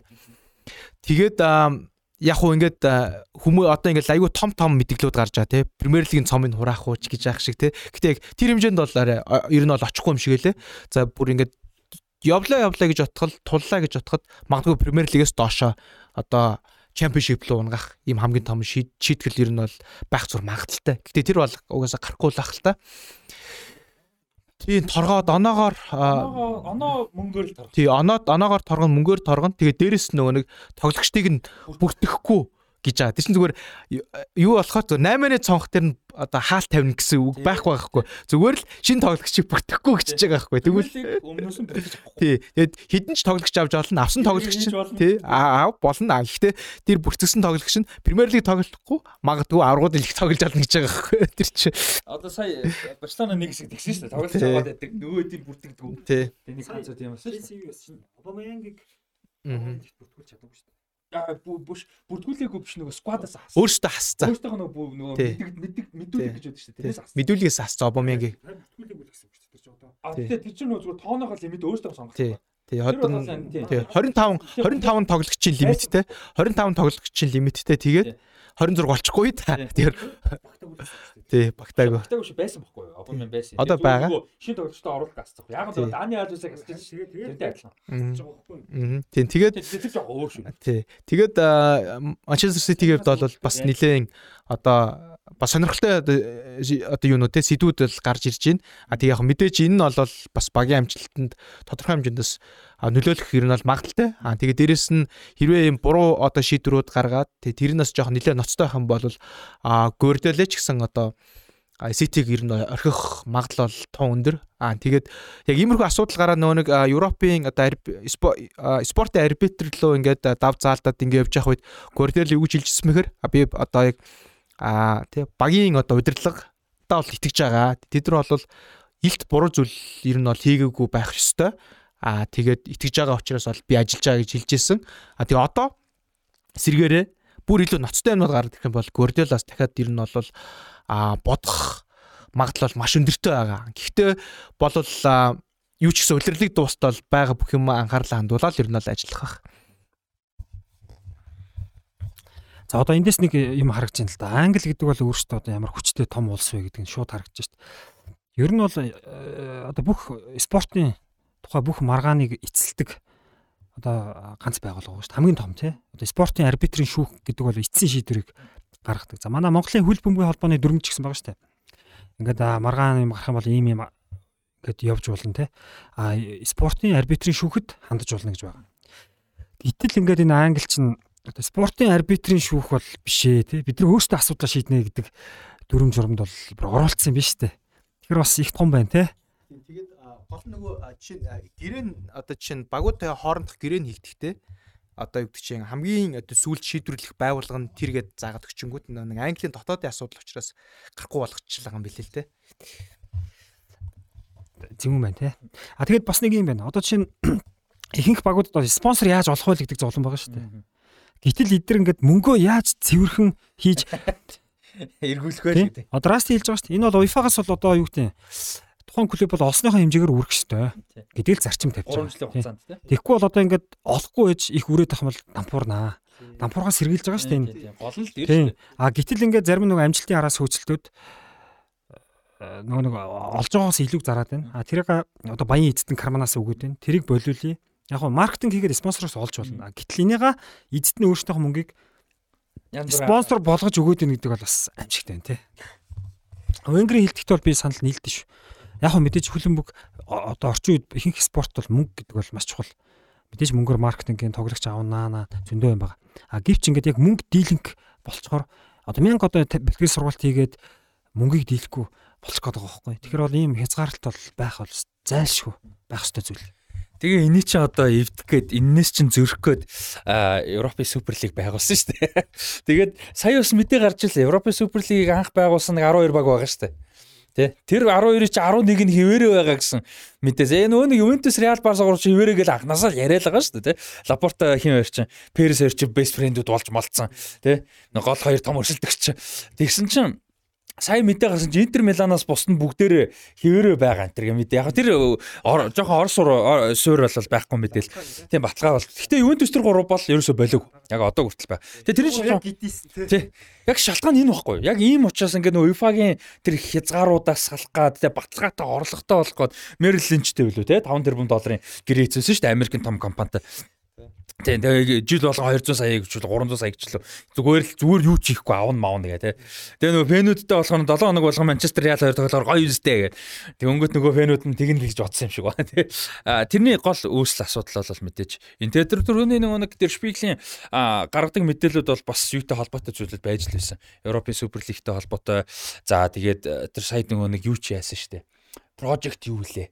Нөгөө Премьер лигийн нөгөө том зургаа чинь нийлж бас нэг юм хийх гэж оролцсон шүү дээ. Тий, тэгээ бол бас бүтлгүүцсэн шүү дээ.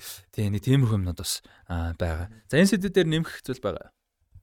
Тийм тэгээд одоо яг зүгээр процессын зүгээр харж лээ. Сая энэ 7 хоногийн одоо хөлбөмбөгийн ертөнцийн хамгийн том мэдээ бол саяны мэдээ байла.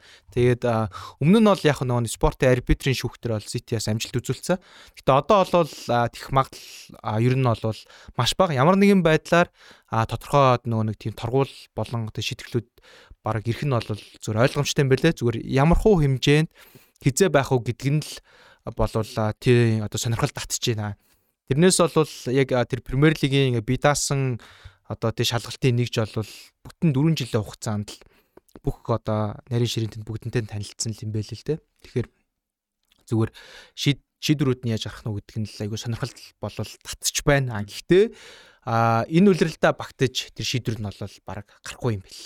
Ер нь нэлээд хугацаа авнаа гэдэг гэж байгаа. Фэнүүд бас хүлээлттэй. Тэгээ дээрэс нь яг хуу зүгээр яг бүр энэ энэ үлрэлтэд гарч амжихгүй ч гэсэн нэг жилийн дотор бол баг гарчих юм бэл. бүр тэгээ сунжруулахгүй байх л та Тийм, мэдээж. Сунжрах юм бол бас асуудал бас болно шүү дээ. Тийм. Тэгээ дээрэс нь энэ жил гэж хүлээх бол хэрэггүй гэсэн тэгээд бас а ерөөсөө сая түрүү хэлсэн шүү дээ. Премьер лигийн сайтан дээр зарлагдах хүртэл ямар ч одоо сэтгүүлч мэтгүүлчд байна өөр хүмүүс мэдээлэлтэй байх юмш боломжгүй. Тэгэхээр тэрийг л одоо хүлээн гэсэн үг юм байлээ шүү. Тэрнээс шууд оноо асуулаад одоо авраг болоод тэгэл Премьер лиг авсан 6 удаад нь United Liverpool-аар хувааж аваад тийм юм бол байхгүй. Гэхдээ тоглоом бас яваад байгаа Lucas Leiva энэ чинь Twitter дээр яасан би Премьер лиг авраг болцсон уу гэж мэгээд яг гоо тоглоом яг гоо Фенүүдийн орон тоглоом бол байлгүй яг. Тийм ба. Тэгэд нэр А бидэд бол өмнө яриад өнгөрсөн энэтэй адилхан бас санхүүгийн нэлээд олон асуудлууд яригадаад а, Ювентус 15 оноо асуусан шүү дээ. тэ. Тэгээ одоо дав заалах хугацаа махцаага бас юмнууд нэлээд болж байгаа. Тэр тал дээр ямар сэтгэлтэй байсан бэ? Тийм а Ювентусийн хол гэхдээ шал одоо нөгөө нэг өөр л юм байлээ л дээ. Одоо энэ Ситигийн асуудалтай харьцуулахад бол бүр мөнгөтэй асуудал, нэг нь мөнгөгүй асуудал. тий а Ситигийн асуудалтай харьцуулахад ер нь бол хамаагүй зүгээр ер нь зүгээр төвшнгөөр нарах юм бол Ювентус ер нь бол хамаагүй хүнд юм байлээ. Тий. Нөлөөний хувьд Тий нөлөөний хувьд бол одоо юу гэдэг чи а тэр дотор ч одоо тий баг тоглолт матч фикс хийсэн хүртэл асуудлууд явж байгаа байхгүй юу. Тийм тэгэхээр чи энэ бол яг ингээд одоо тийм матч фиксing гэдэг чи өөрөө санхүүгийн одоо тайлангаа буруу өгснөөс илүү хүнд асуудал байгаа байхгүй. Тэгэхээр бол яг Juventus City хоёрын асуудлыг харьцуулахад төстэй юм шиг боловч яг Juventus-ийн яг Juventus-ийн асуудал нь бол илүү хүнд. Тэгээ шийтгэлэн ч гэсэн одоо юу гэдэг чинь те хас 15 оноо буцаагдах магадлал ч гэсэн өөрөө бага юм байлээ. А тэгээд а дээрэс нь юу вэ гэхээр энийгээ мэдчихсэн учраас Ювентусын эзэд нь сая 11 сард өөрсдөө одоо болчихж байгаа шүү дээ. Одоо Анели чинь одоо яг эзэн нь шүү дээ. Эзэн байж байгаад за за би ингээд энэ эзэн байха боллоо гэж хэлчихэж байгаа. Тэгээд дотор нь ажиллаж исэн. Хувьцаагаа өгөөгүй. Ливер зүгээр chairman гэж ажиллаа. Тийм тэрийг өгчөж байгаа тий. Тэгээс нөгөө нэг бас цуг дотор нь ажиллаж исэн хүмүүс хүртэл бас бас болчихсон бол байж байгаа шүү дээ. Тэгэхээр болвол Ювентусын асуудал бол баг 15 оноог асуулаад өнгөрөх нь баг зөөлөндөө ч орж магадгүй юм байлээ. Тийм. За энэ үрээд өндөрлөх бай энэ хэсгээ. За энэ дэр бол олон багуудын олон асуудал цаашдаа ч яригдах байх. Тэгээд манай үзэгчд бас энэ дэр аль болох судалгаатай аль болох анхаарал хандуулж бас судалж мэдэлж мэдэж ярианд оролцох тий сэтгэлээ хуваалцаж байгааг зөвлөе. Тэгэхгүй бол тоглоом болгож байгаа сүлдээ тэгээ нөөдгийн шоглоом болт. Фэнүүтэй хоорондоо янз бүр юм бол. Тий. За тэгээ энэ үрээд э, энэ хэсэг өндөрч чинь 3 дугаар хэсэг дээр Eusebio-гийн Европт ирсэн одоо сонирхолтой түүхийн талаар ярилцсанаа. Цаг хугацаа өнгөрөвч үн цэн үлдэн. Ирчим хүчний дэвшилтэд шийдэл бүхий бүтээгдэхүүнүүдийг төслийн аль ч үе шатанд эцсийн хэрэглэгчдэд зориулан тасралтгүй ханган нийлүүлж байна.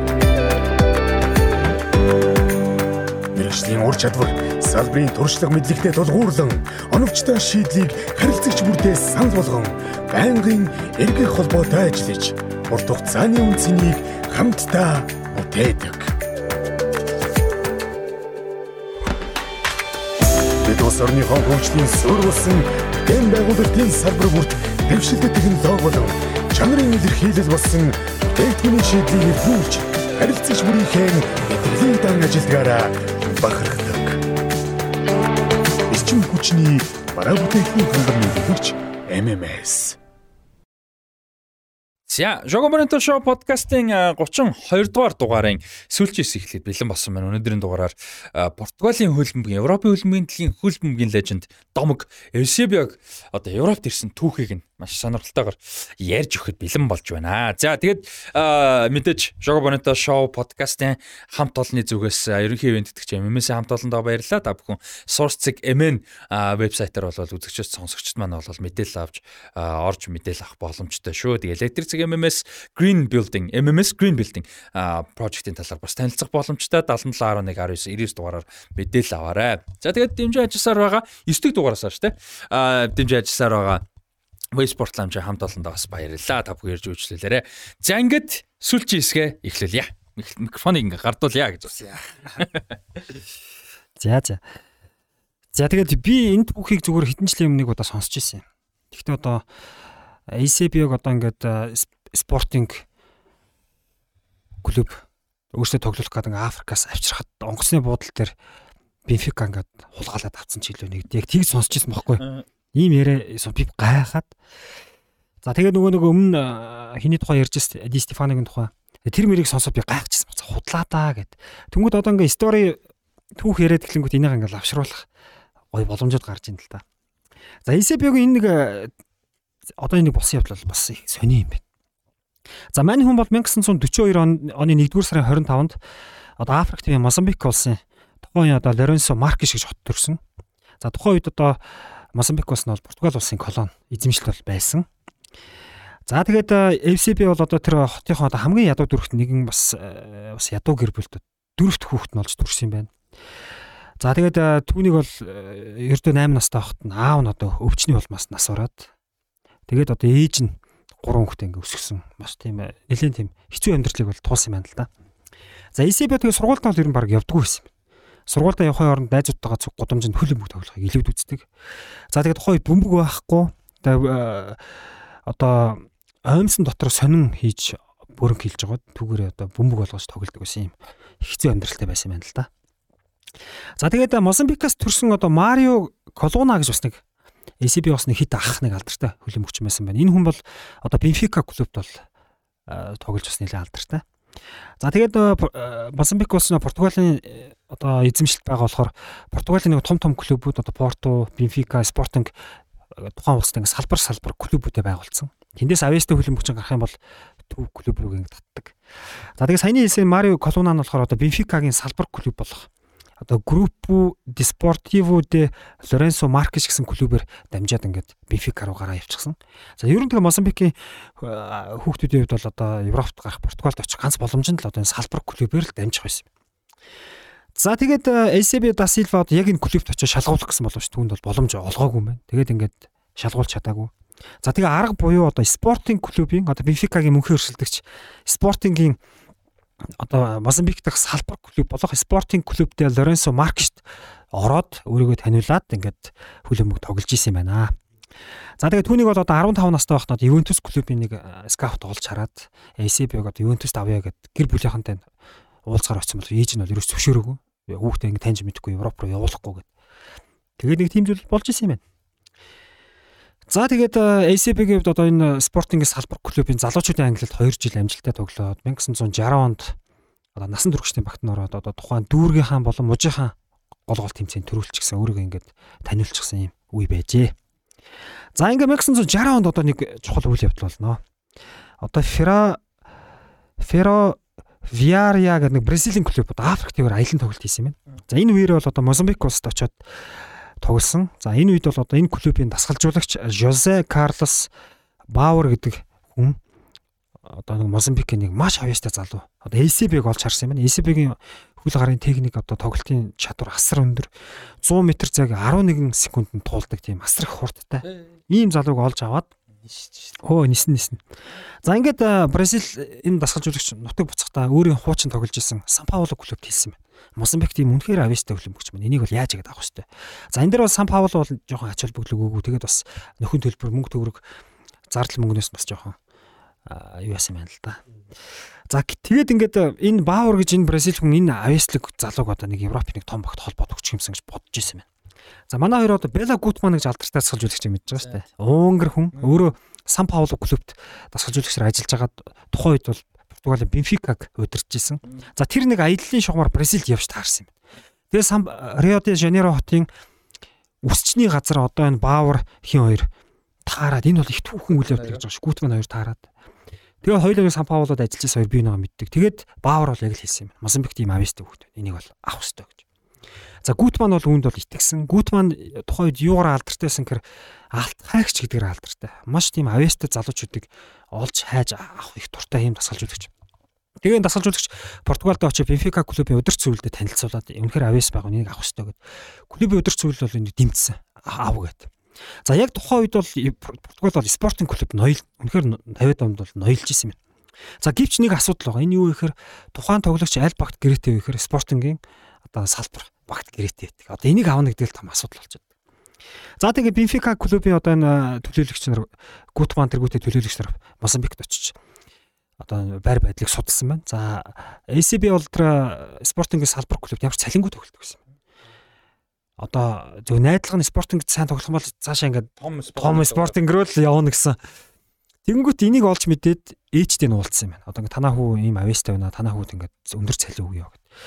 За тэгээ тухайн үеийн одоо 250 конто гэдэг конто гэдэг нь одоо Мозамбик хэл мөнгө юм байна л да. Одоогор бол 1250 орчим евротой тэнцэгт юм мөнгө өгсөн. Энэ бол тухайд асар их мөнгө байсан гэж. Тэгээ ээжтэй нахтаа нуулзаад ингээд танаа хүүг ингээд авъя гэдэг дэр ярилцаад ээж гэр бүлийнхэн зөвшөөрөөд за гэр бүлийн зөвшөөрлийг авсан боловч одоо клубын асуудал байгаа. За одоо энэ дээр яасан бэ гэхээр одоо спортингч нөгөө нэг ноёрхлоо 60-аад онд ингээд үргэлжлүүлнэ. Португалд нэг авьяаслаг залуу байгаа тэрийг ингээд тэгж жагаад татаж аваад гэдэг төлөвлөгөө бас байсан юм байна. Тий. Гэхдээ өөртөө үн тэртний ингээд авах гэж яараагүй л бас жоохон алдаа болсон юм л да. За одоо Бенфика энд ажиллаж байгаа. За Бенфика очоод тэнд ингээд бүжигнүүлээд эхлэхийг спортингийнхаа мэдээд энд бүжигнж эхэлж байгаа. Одоо ингээд үн тэртний алдах нь байна. За тэгээ бөө юм байгаа.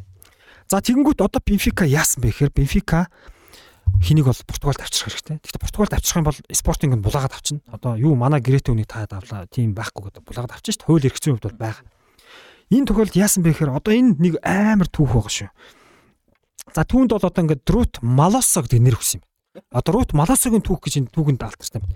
Манай үнийг одоо SCPO гэдэг хүнийг ингээд онгоцоор аваад ирэх юм бол онгоцны бодлоор тусч аваад авчих штеп. Тэнгүүт Друт Маласио гэдэг нэр өгч онгоцны тасалбар өгсөн юм байна. А тэнгүүтээ зохиомл худлаа яриа гаргасан юм. Тэнд юу гэхээр SCPO юугаар усан онгоцоор Португалд очино гэдэг шуум гаргаад. Тэнгүүд спортингийнхан тэр буруу өдөр нь усан онгоцны юм дээр хүлээгээд байдаг. Ирээгүй.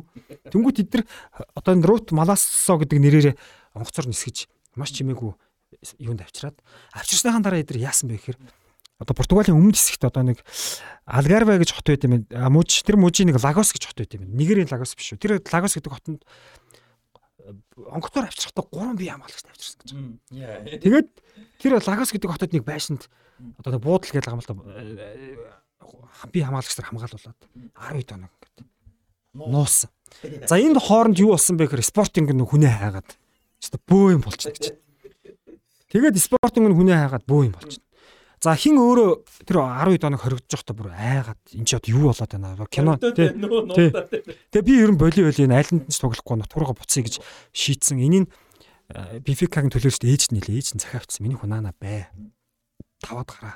За ингээ 12 тоногийн юм болоод байдаг. Спортын хүний авч тоглох гэдэг. Тэгээ нөгөө хүнийг гаргаж өгдөггүй. Тэгээд ингээд аргагүй юм байдалд ороод спортын цөхрөөд за за боли боли. Тэгэнгүүт одоо нөхөн төлбөр нөхөн төлбөр гэж их мөнгө өгж байгаамаа бас энэ залуугийн төлөө. 350 мянган Португал Скудо гэж мөнгө өгж байгаа юм байна. Энэ мөнгийг одоо нөгөө нэг спортын салбар клуб нөхөн төлбөр болгож өгөөд спортын заа наатаа аав гэж. Бенфика одоо юм бүр муухай арга хэрглэж зөвшөөрүүлээд тэгээ 12 хоногийн дараа бүх асуудал шийдэгцэн дараа ACB-г ингээд чөлөөтэй гаргаж ирж байна. Тэгээ ACB тэр жил яг улирал эхэлсэн байсан. Яг 12 хоногийн дараагаас эхлээ бэлтгэл хийж яваад. Тэгээд одоо ингэсэн баг. За тэр жил 1960-аас 61 оны улиралд за Реал 5 дараалал төрүүлсэн байсан шүү дээ. Аврагын цомын одоо Европын цомын эхний 5 60 он хүртэл. Дөнгөж 60-аас 61 онд одоо тэр Гутманы удирдсан Бенфика Европт Барсаг ялж төрүүлж байгаа. За тэр мэдүүлэгт бол ACB байхгүй. А гівч дараагийн улиралд нь ACB орж ирээд Бенфика Реалыг өч төрүүлж байгаа. За тэгээд FCB-г Бенфика клуб тоглосон 15 улирлын 11-т нь Бенфика Португалийн лиг төрүүлж цомын тэмцээнд тав төрүүлж одоо Бенфикагийн алтан эрнийг бол эхлүүлсэн ийм чухал зүйл болж байжээ. Тэгээд энэ чухал үйл явдлыг эхлүүлэх хамгийн гол одоо үйл явдал нь тэр 1960 онд болж исэн байх шүү. Яа, Стин энэ дээр үед нь 40 50 60 цаас амар амар болох юм аа шахахаар. Тэгээд Лисбоны спортын Лисбоныг үзээс шантруулсан юм байна шүү дээ. Би ч одоо юу юм юу нэфэт тий. Айгуу сонирхолтой гоё түүхэн тий. Сонссоол гоё яла. Баярлаа. Яа, хайлтан мэлт сонсч ирсэн юм байна. Тэгээ ийм детальтай бол мэд. Тий, харин тий. Айхтар юм болж исэн юм байна. Тэгээд ECB тэгээд одоо Португалийн хөлбөмбөгийн түүхийг бичиж эхэлж байгаа шүү дээ. Тийм агуу үнийг ингэж авчирсан нь те бас ларгагүй л байсан юм байна да л гэж бодох юм байна. Одоо ECB-г ч одоо хар алмаз гэдэг штэ те. ECB Бенфика сая хэлсэн те 60-аас 61 оны үеэлд анх бол яг ярьсан. Гэхдээ Европын бүрэлдэхүүнд нь бол байгаагүй. А тэрнээс хойш Португалийн лигийн өрөөнд 301 тоглолтод оролцож 317 голыг оруулсан бүх цаг үед одоо Бенфика клубын төлөө бүх тэмцээний өрөөнд 440 тоглолтод оролцож 473 3 горлыг оруулж исэн. За Португалийн шигшээ огт бол 10 гаруй жил тогсон 64 тоглолтод оролцож 41 голыг оруулжсэн. Луиш Фиго хөвдөх хүртэл Паулета хөвдлөө Фиго хөвдлөө тэр хүртэл баг рекорд нээсэн санагдаж шүү. Паулета хөвддөг санагдаж байна тий. Тэгээ санаж дараа нь тэгээ сүүлд нь Роналдо хөвдсөн ийм бол байдгаа. Тэгээ яалчгүй бүх цагийн хамгийн агуу тоглогчдын нэг гэж ярьдаг. Аврагуудын лиг гэдэг нэртэй болохоос өмнө Европын цомын мэрэгэн буучин жагсаалтад хоёрт явдаг байсан. Нэгт нь бол юу байсан? Альфредо Ди Стефано байсан. За тэгээ Бенфика клубын бол амьд домог одоо домог нь байсан, амьд домог нь байсан 2014 онд бас нас урсан хиний үед бол FCB-г хувьд За нэг юм домог бол байдаг. Тийм. Тэгээд нөгөө Баллонд ороо авч исэн. За Европын алтан шахаа шагналыг анх бий болоход нь авч исэн. Ийм алдартай хүн. За 1900 тэр 62-оос 61-ээс 62 оны одоо Европын цомын аврагын төлөө Реал Мадрид Бенфика тоглоход FCB 2 гол хийгээд тэгээд ерөөсөө Реал ахныг өөр алсан гэж байгаа байхгүй. Тэр тоглолтын дараа яасан гэхээр алдарт Френц Пушкаш өөрөө тэр залуу хүүхэд тэр ирээд өмсгөлөөс олчихсон. Тэгээд тэгэхэд ECB-г одоо яаж тоож ин тэ. Тэгээд ECB бол дэлхийн аврал шалралт тэмцээнд дөрөв ганц удаа тогсон. 1966 онд. Португалийн шоуг бол анх удаа дэлхийн аврал шалралт тэмцээнд орж үхлийн хэсэгт. Нөгөө Бразил, нөгөө Унгар, за Булгартаа ороход үхлийн хэсэгт Бразилийг хэсгээс нь мултлаад цаашаа яваад 9 гол хийж дэлхийн аврал шалралт тэмцээний мэрэгэн бууч авч исэн, хүрэл медаль хүрч исэн. Ерөөсө дэлхийн аврал шалралт тэмцээнд ганц ороод 9 гол хийжсэн. Тэгэл Европын одоо авч болох бүх шагналыг авч исэн.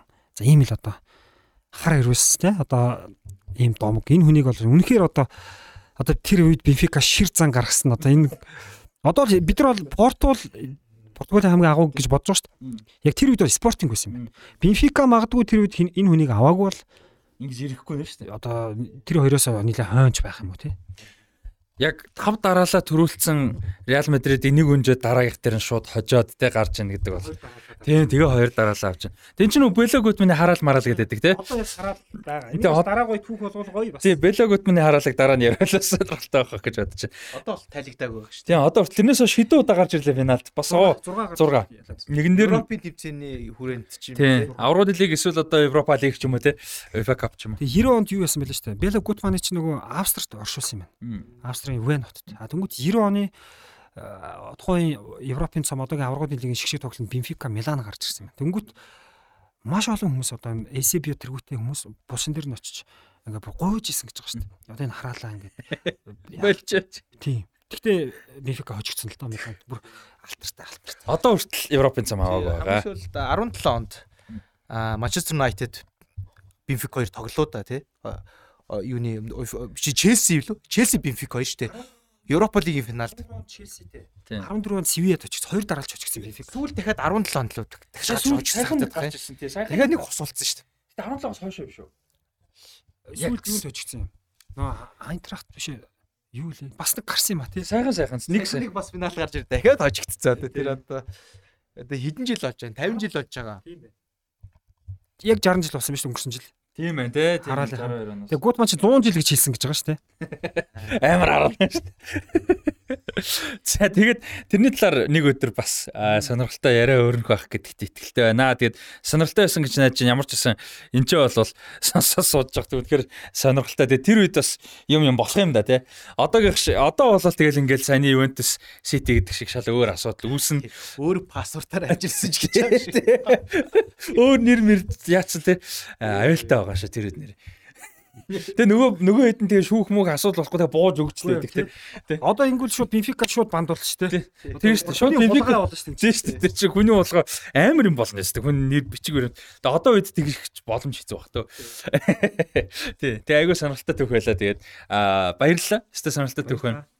За дараа 7 хоног тэгээд хэн ямар төвх яхнаа сонирхолтой байна харж байгаа бол тэгээд сонирхолтой байна. Аа өнөөдрийн дугаартай хамт ирсэн тэгээд та бүхэндээ баярлалаа. Урилга авч оролцсон Бацангилдээ баярлалаа. Маш сонирхолтой анализууд сэтгэлдлүүдлээ хуваалцсанд бас баярлалаа. Сонирхолтой сторид хуваалцсанд баярлалаа. Тэгээд үзэж байгаа хүмүүс сонсож байгаа хүмүүстээ бас бүгдээрэнд нь баярлалаа. Ерөнхий үеийн тэтгэж юмс хамт олон баярлалаа. Westport Lounge-аар бас үйлчлүүлж үйлчлүүлцгээгээрээ аа тэгээд Шого Бонета шоу подкастын 33 дахь дугаараараа уулзлаа тэр баяр та. Ерөнхий ивент гэгч MMS The Future is Electric. Ерөнхий ивент гэгч MMS Green Building